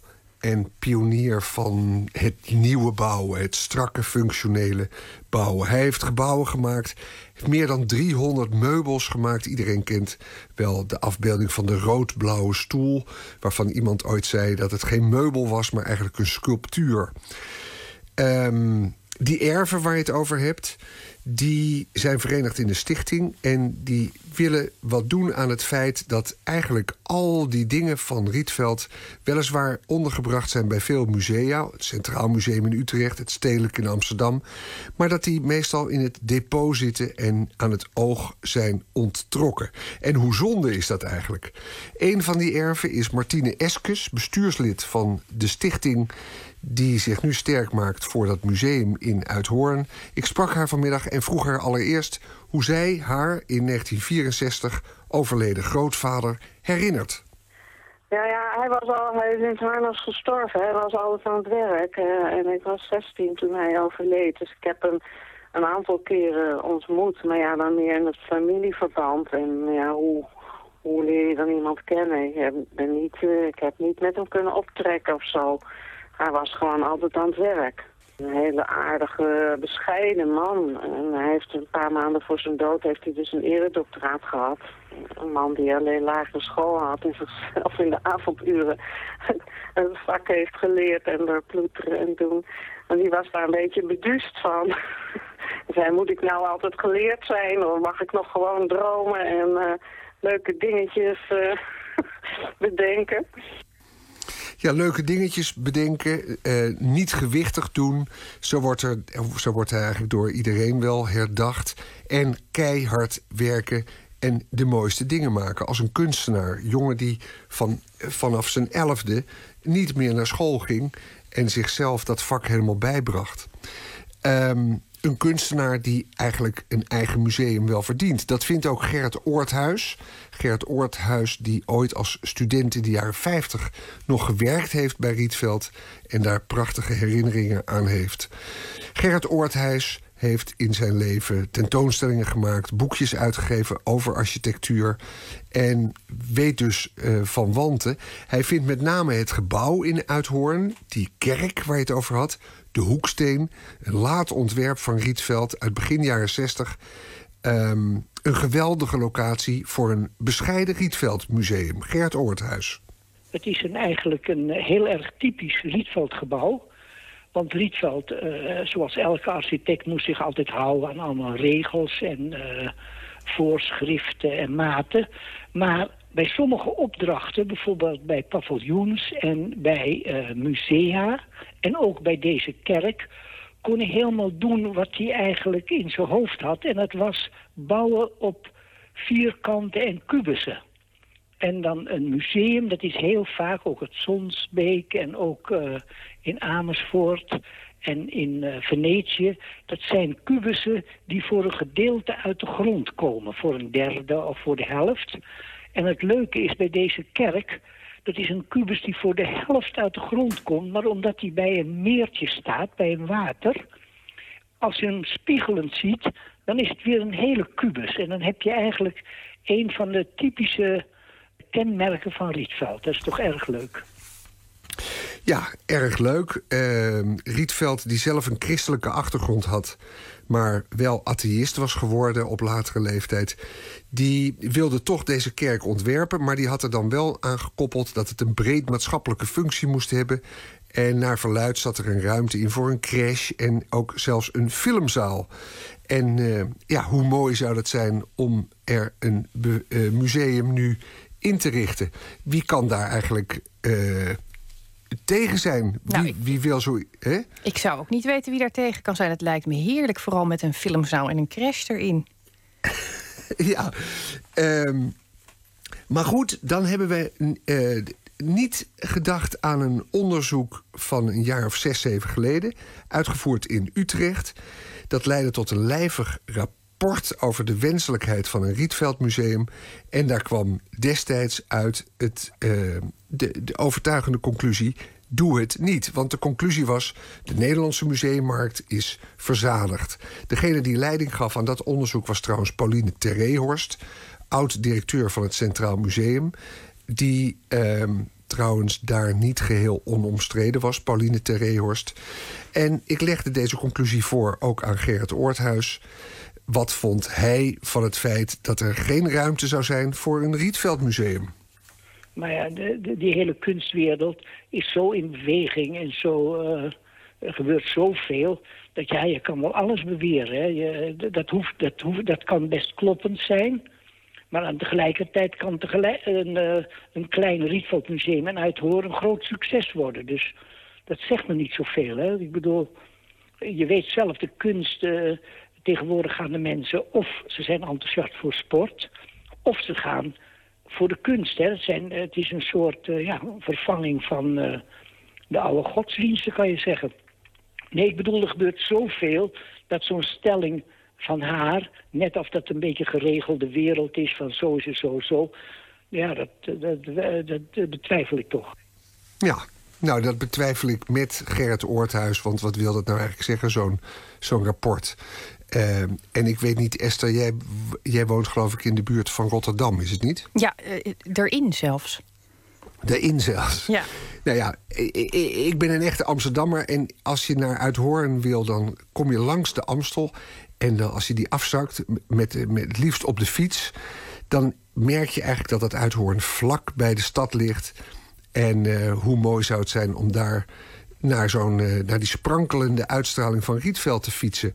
Rietvelds wereld die Gerrit Oorthuis vanmiddag nog eens als volgt typeerde. Toen wij jong waren, was iedereen zo'n beetje uh, socialist en uh, geloofde nog een beetje... het was een beetje dom achteraf in de Sovjet-Unie. Er was een soort maatschappelijke verwachting dat de wereld leuker zou worden... Hè, als er allemaal hervormingen waren. En Rietveld was daar ook wel een echt onderdeel van. Hè. Die dacht ook dat door de architectuur, door meer gevoel van uh, ruimte en vrijheid... Hè, en ook door kleur, dat mensen eigenlijk een beetje gelukkiger, een beetje tevredener zouden worden. Dus Rietveld hoorde erg bij die optimistische visie op de toekomst. Ja. Nou, ik, ik vind een optimistische visie op de toekomst altijd iets uh, om je bij aan te willen sluiten, Anton. Um, en ik kan me voorstellen dat we samen met jou uh, een keer uh, mee afzakken, de Amstel af, op de fiets. En dan dat, dat Rietveldmuseum, dat er natuurlijk wel gaat komen, gaan bekijken. Ja, er moet erg veel geld komen en steun. En er wordt over nagedacht. Maar wat zou het mooi zijn? Er is trouwens een film gemaakt ooit over Rietveld. En die heette heel toepasselijk De Weelde van de Soberheid. En ik weet niet meer van wie die omschrijving kwam. Maar uh, ik vind dat geweldig mooi getypeerd. Uh, die wondere wereld van Rietveld ontwerpen. Wat is dat toch? En ik zie me inderdaad wel vanuit uh, Amsterdam op de fiets richting Uithoorn gaan... om, om me daaraan te laven. En wie weet fiets je mee dan? Nou, dat ben ik zeker van plan, uh, Anton. En dan uh, maken we daar ook gelijk weer een mooie uh, reportage over. Dank je wel als nachtcorrespondent voor deze mooie bijdrage. Ja, goeienacht. Goeienacht. Uit Los Angeles komt de folkband Dawes, die zich hebben laten inspireren door Laurel Canyon bands als Joni Mitchell en Crosby, Stills, Nash en Young. Hun nieuwe album heet All Your Favorite Bands en daarvan is hier het nummer To Be Completely Honest.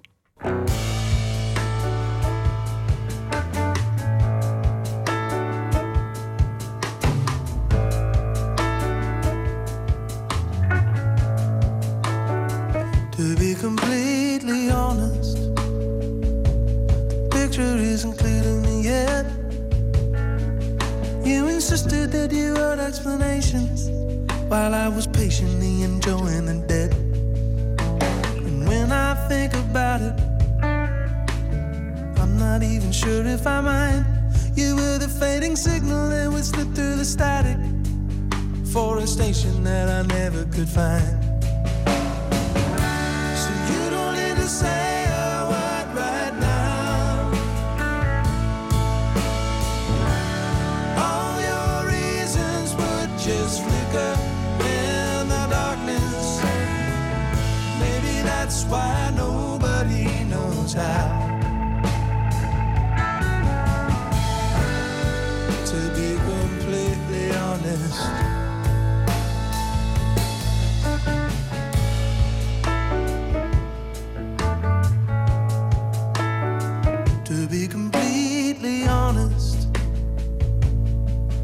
like you're still in the room.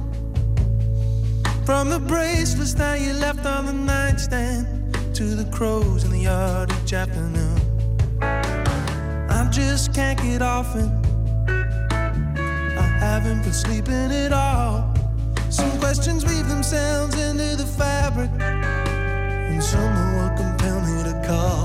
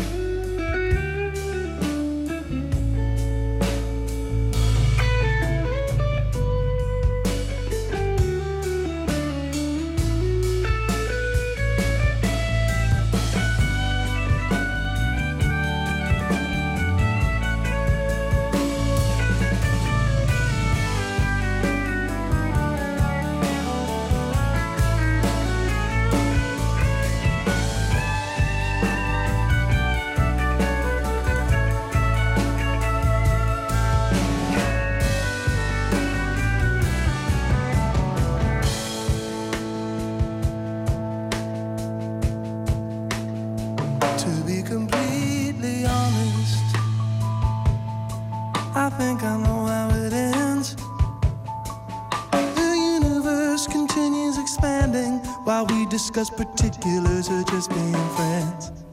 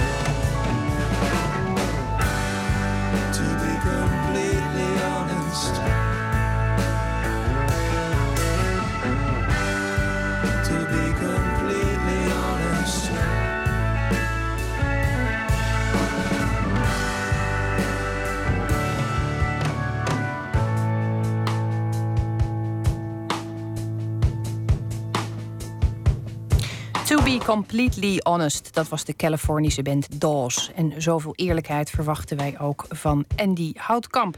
Die zit nu het vrouwenvoetbal te volgen. Andy, wat is er aan de hand? Nou, het gaat niet goed in ieder geval. Want Nederland speelt tegen Canada. Nou, minimaal een punt moet er gehaald worden. Maar zoals in de vorige twee wedstrijden ook al het geval was... Nederland speelt niet scherp en niet goed. En kwam al uh, na 10 minuten met 1-0 achter een goal van Ashley Lawrence. Na geklungel achterin in de verdediging dus van de Oranje Leeuwinnen. Ze staan met 1-0 achter. Moesten ook al heel snel wisselen. Van Lunteren van Ajax moest vervangen worden vanwege een blessure door Jansen. Dus het ziet er niet goed uit. Nu 13 minuten gespeeld bij het WK voor vrouwen in Canada. In... Uh, Montreal in het Olympisch Stadion met 60.000 mensen. Canada leidt tegen Nederland met 1-0.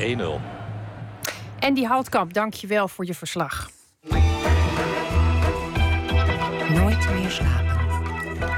Een vrachtwagen vol muziek, typetjes, bewoners van Terschelling, een rad van fortuin, komische scènes en serieuze beschouwingen. Dat is in een notendop de voorstelling We doen het wel zelf van Wonderbaum, die op Oerol is te zien.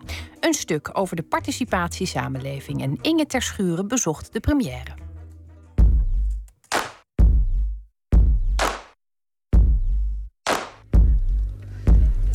Bezoekers van Oerol zijn naar het uiterste festivalpuntje van het eiland gekomen voor de voorstelling We doen het wel zelf van Wonderbaum. Een voorstelling over de participatiesamenleving. Want hoe zat het ook alweer met die participatiesamenleving? Het is onmiskenbaar dat mensen in onze huidige netwerk- en informatiesamenleving mondiger en zelfstandiger zijn dan vroeger. Gecombineerd met een noodzaak om het tekort van de overheid terug te dringen, leidt het ertoe dat de klassieke verzorgingsstaat langzaam maar zeker verandert in een participatiesamenleving. Juist ja. Burgers ondersteunen elkaar meer en de overheid neemt minder taken op zich. Doe je het vanzelf? Doe je het vanzelf? Doe je het vanzelf? Doe je het vanzelf? Ja, jullie staan mij zo aan te kijken. Dan kom ik natuurlijk naar jullie toe. Mag ik jullie iets vragen? Dat mag. Ja. Uh, jullie zijn hier voor de voorstelling We doen het wel zelf van Wonderbaum. Een voorstelling over de participatiesamenleving. Waar denkt u aan bij dat woord? Uh, participatie, dan denk ik aan Willem-Alexander. Ja, dat, die, begon, die heeft de term geïntroduceerd inderdaad. Ja, dan denk ik aan Willem-Alexander.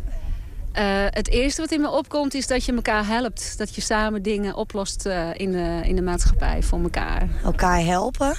Maar dat, zit, niet- dat is niet alleen maar positief. Er zit ook wel de kant aan van dat als je geen mensen hebt om je te helpen, dat je. Nou ja, dat ik wel hoop dat de overheid daar dan ook nog wel genoeg in blijft doen. Ik geef de vraag even door. Wat denk je aan bij de participatiesamenleving? Goeie reactie. Gaat al lang. Nou, kijk, dat we dat met z'n allen naar de voorstelling gaan... dat vind ik wel participerend in dit geval. Nee. In de voorstelling heeft Wonderbaum een aantal eilandbewoners betrokken die het wel zelf doen. Met wisselend genoegen. Een van hen is melkveehouder Jelle Cupido. Maar inderdaad, ik ben gevraagd. En eh, ik was eigenlijk wel aangenaam verrast eh, van hun verhaal. Wat ze wouden, naar voren wouden brengen.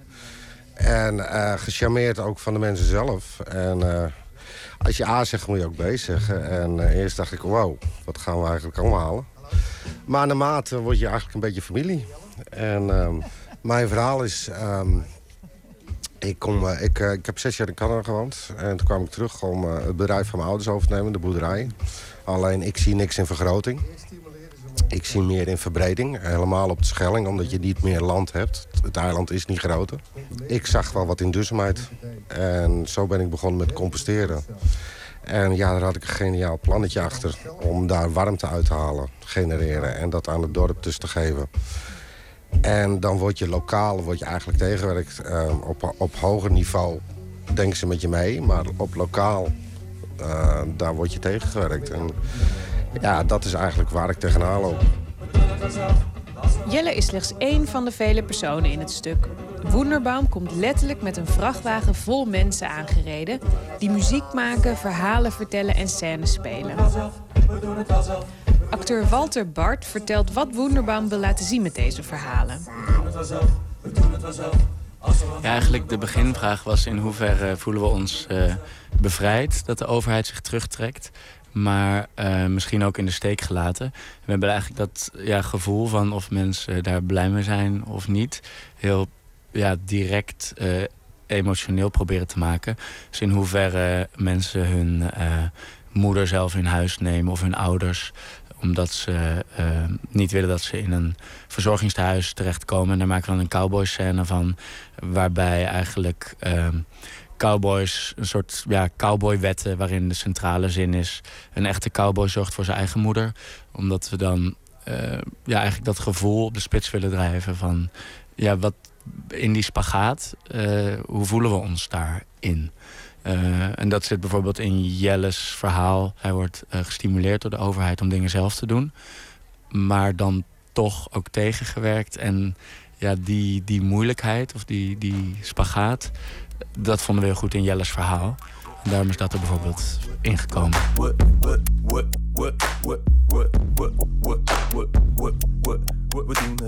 Er staan hier allemaal mensen van Terschelling op het, eh, op het podium. Is het dan ook echt Klein Terschelling wat jij hier eh, ziet staan? Ja, want toen we eraan begonnen, dan hoor je iedereen... eh, alles veranderd, weet je wel. Dat, en denk ah, daar komt het Schellingen mentaliteit weer boven. moest wel erg lachen, want de burgemeester doet ook mee in de voorstelling. Althans, vanavond deed hij mee. En toen zag ik de ontmoeting tussen de burgemeester en tussen Jelle. En die zei, ah, jij bent Jelle. Dat je denkt, oh, ik wist helemaal niet waarvan ze elkaar kenden... maar ik voelde wel dat ze een geschiedenis hadden met elkaar. De voorstelling is op geen speellocatie hetzelfde. Doordat er andere mensen meedoen en andere issues spelen. We spelen hierna eh, in Den Bosch en daarna in Rotterdam en Amsterdam. En daar is het met andere mensen, dus daar zijn de thema's ook heel anders. Ehm, ja, je krijgt natuurlijk een totaal andere voorstelling door de mensen. En we hebben bijvoorbeeld nu een scène die heet de multiculturele ondernemer. En dat was eigenlijk een scène die inging op het eh, idee van dit kabinet dat eh, allochtonen zich moesten invechten op de arbeidsmarkt.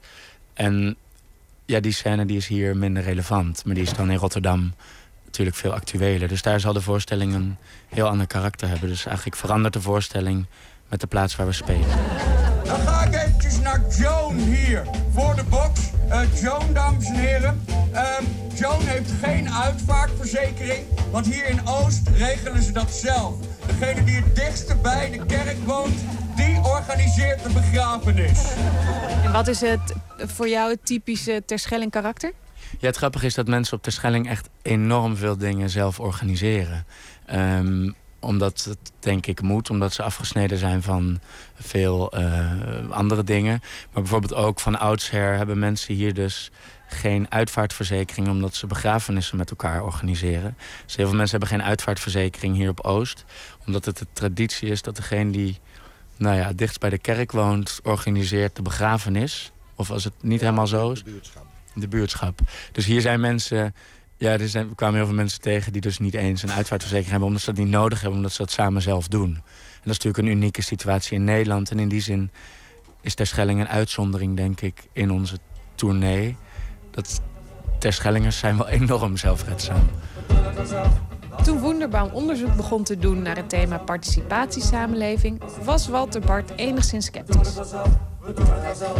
Het begrip participatiesamenleving is echt de ja, de, het mongoloïde kind van het Paarse kabinet. Dat is echt, zeg maar, dat krijg je als de VVD en de Partij van de Arbeid... Uh, ja, samen zijn, krijg je zo'n soort van gedrocht. Um, en vanuit daar uh, vertrokken, denk ik. En zijn we dat gaan onderzoeken. Ben je dan milder geworden?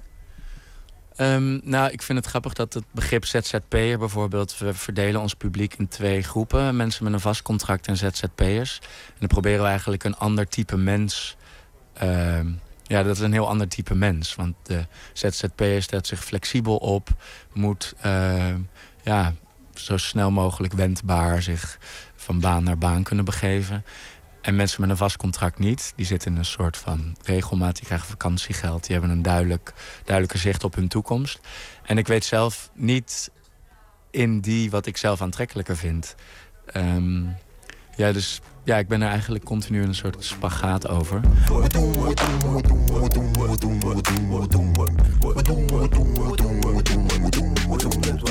Jullie hebben heel veel research gedaan en uh, de mensen die jullie zijn tegengekomen... die uh, zijn waarschijnlijk initiatieven gestart omdat ze daar zelf heel erg in geloofden. Maar kun je ook een participatiemaatschappij opleggen vanuit de overheid? Wat nu natuurlijk wel geprobeerd wordt. En ik ben daar zelf heel sceptisch over omdat ik denk dat dat misschien eigenlijk alleen maar uh, tegenwerkt. En ook omdat je voelt dat die overheid dan, eigenlijk in dat Jelles verhaal misschien ook een beetje, het dan toch gaat sturen en controleren. Dus dat de overheid een nieuw orgaan in het leven roept om te controleren of burgers het wel goed zelf doen. Dus je krijgt eigenlijk een verschuiving. En dat vonden we in Jelles verhaal goed. Je begint iets, maar vervolgens wordt het toch enorm gestuurd. Um, nou ja, dat is... Uh, ben jij uh, uh, verbitterd geworden daardoor? Nou ja, ik ben er wel door veranderd. Ja, absoluut. Ik, uh, wat ik al in, in het, het lied naar voren bracht... dat je dan gemotiveerd bent en daarna word je gedemotiveerd. Hè. En ik, maar ik, je, ik blijf wel geloven in... Uh, je moet het samen uiteindelijk wel doen. Hè, we doen het wel zelf. Dus ik, ik heb wel echt het idee van... Ja, uh, ik, ik, ja, ik ben er wel door veranderd. Ik ben er wel door verbitterd eigenlijk. Ja, absoluut. Een bijdrage was dit van Inge Terschuren. En de voorstelling is nog tot en met 20 juni te zien op Oerol... en reist daarna het land door. En uit Nigeria komt zanger-gitarist Kuku. En ondanks het feit dat hij in New York en Parijs is geweest, is er geen mooiere stad dan zijn eigen stad, Eko. Hij zingt erover op zijn nieuwe album Ballads and Blasphemy. In een mix van Yoruba met Engels. Hier is Echo.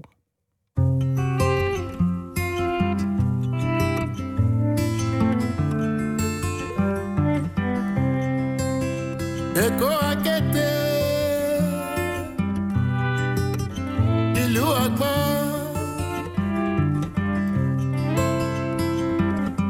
Èkó dùn lójú ẹni tí ò lówó lọ́wọ́ olówó lọ́ba ò ní Èkó. Owó sí ènìyàn súnmọ́ o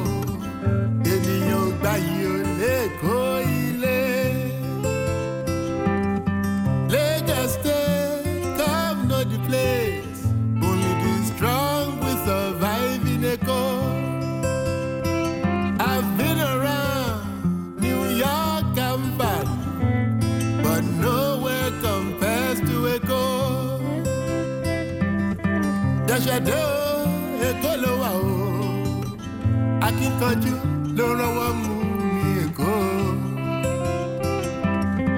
ẹni tí ó gbọ́n ojú ẹ̀ á là ní èkó nítorí èkó ní gbàgbàkúgbà o.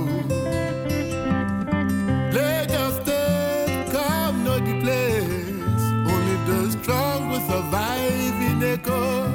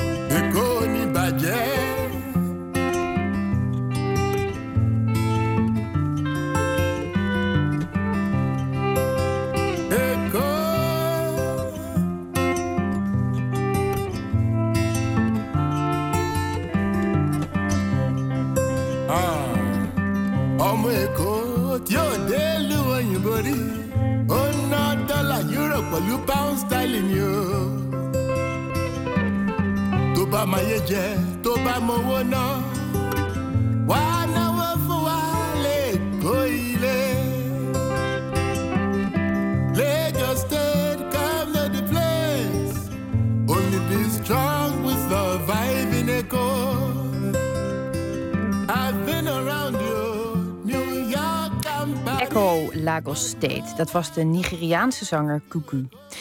En we eindigen deze aflevering weer met een dichter die een favoriet gedicht voordraagt. En deze week is dat de keuze van dichter en columnist Johanna Geels. En zij begint de week met een gedicht van Ingrid Jonker, getiteld Ik wil geen bezoek meer ontvangen.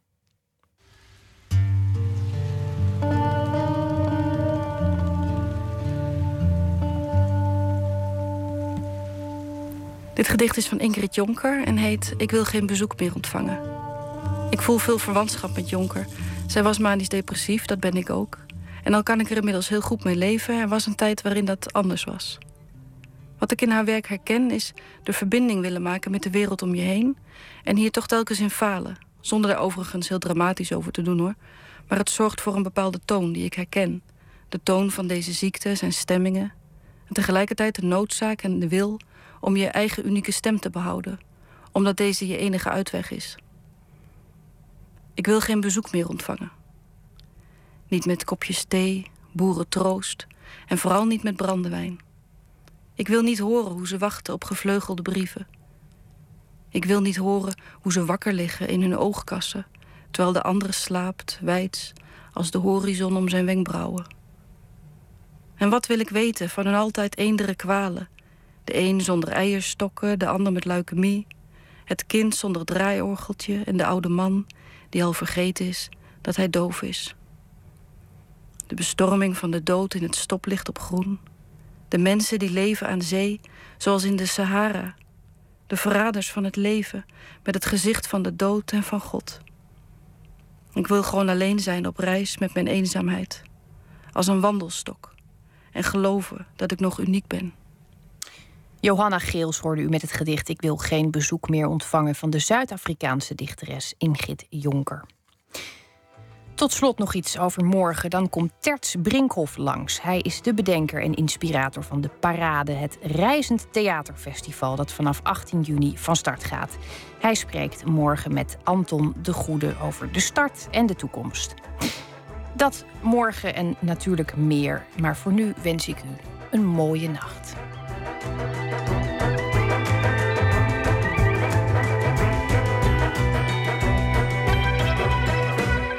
Op Radio 1, het nieuws van alle kanten.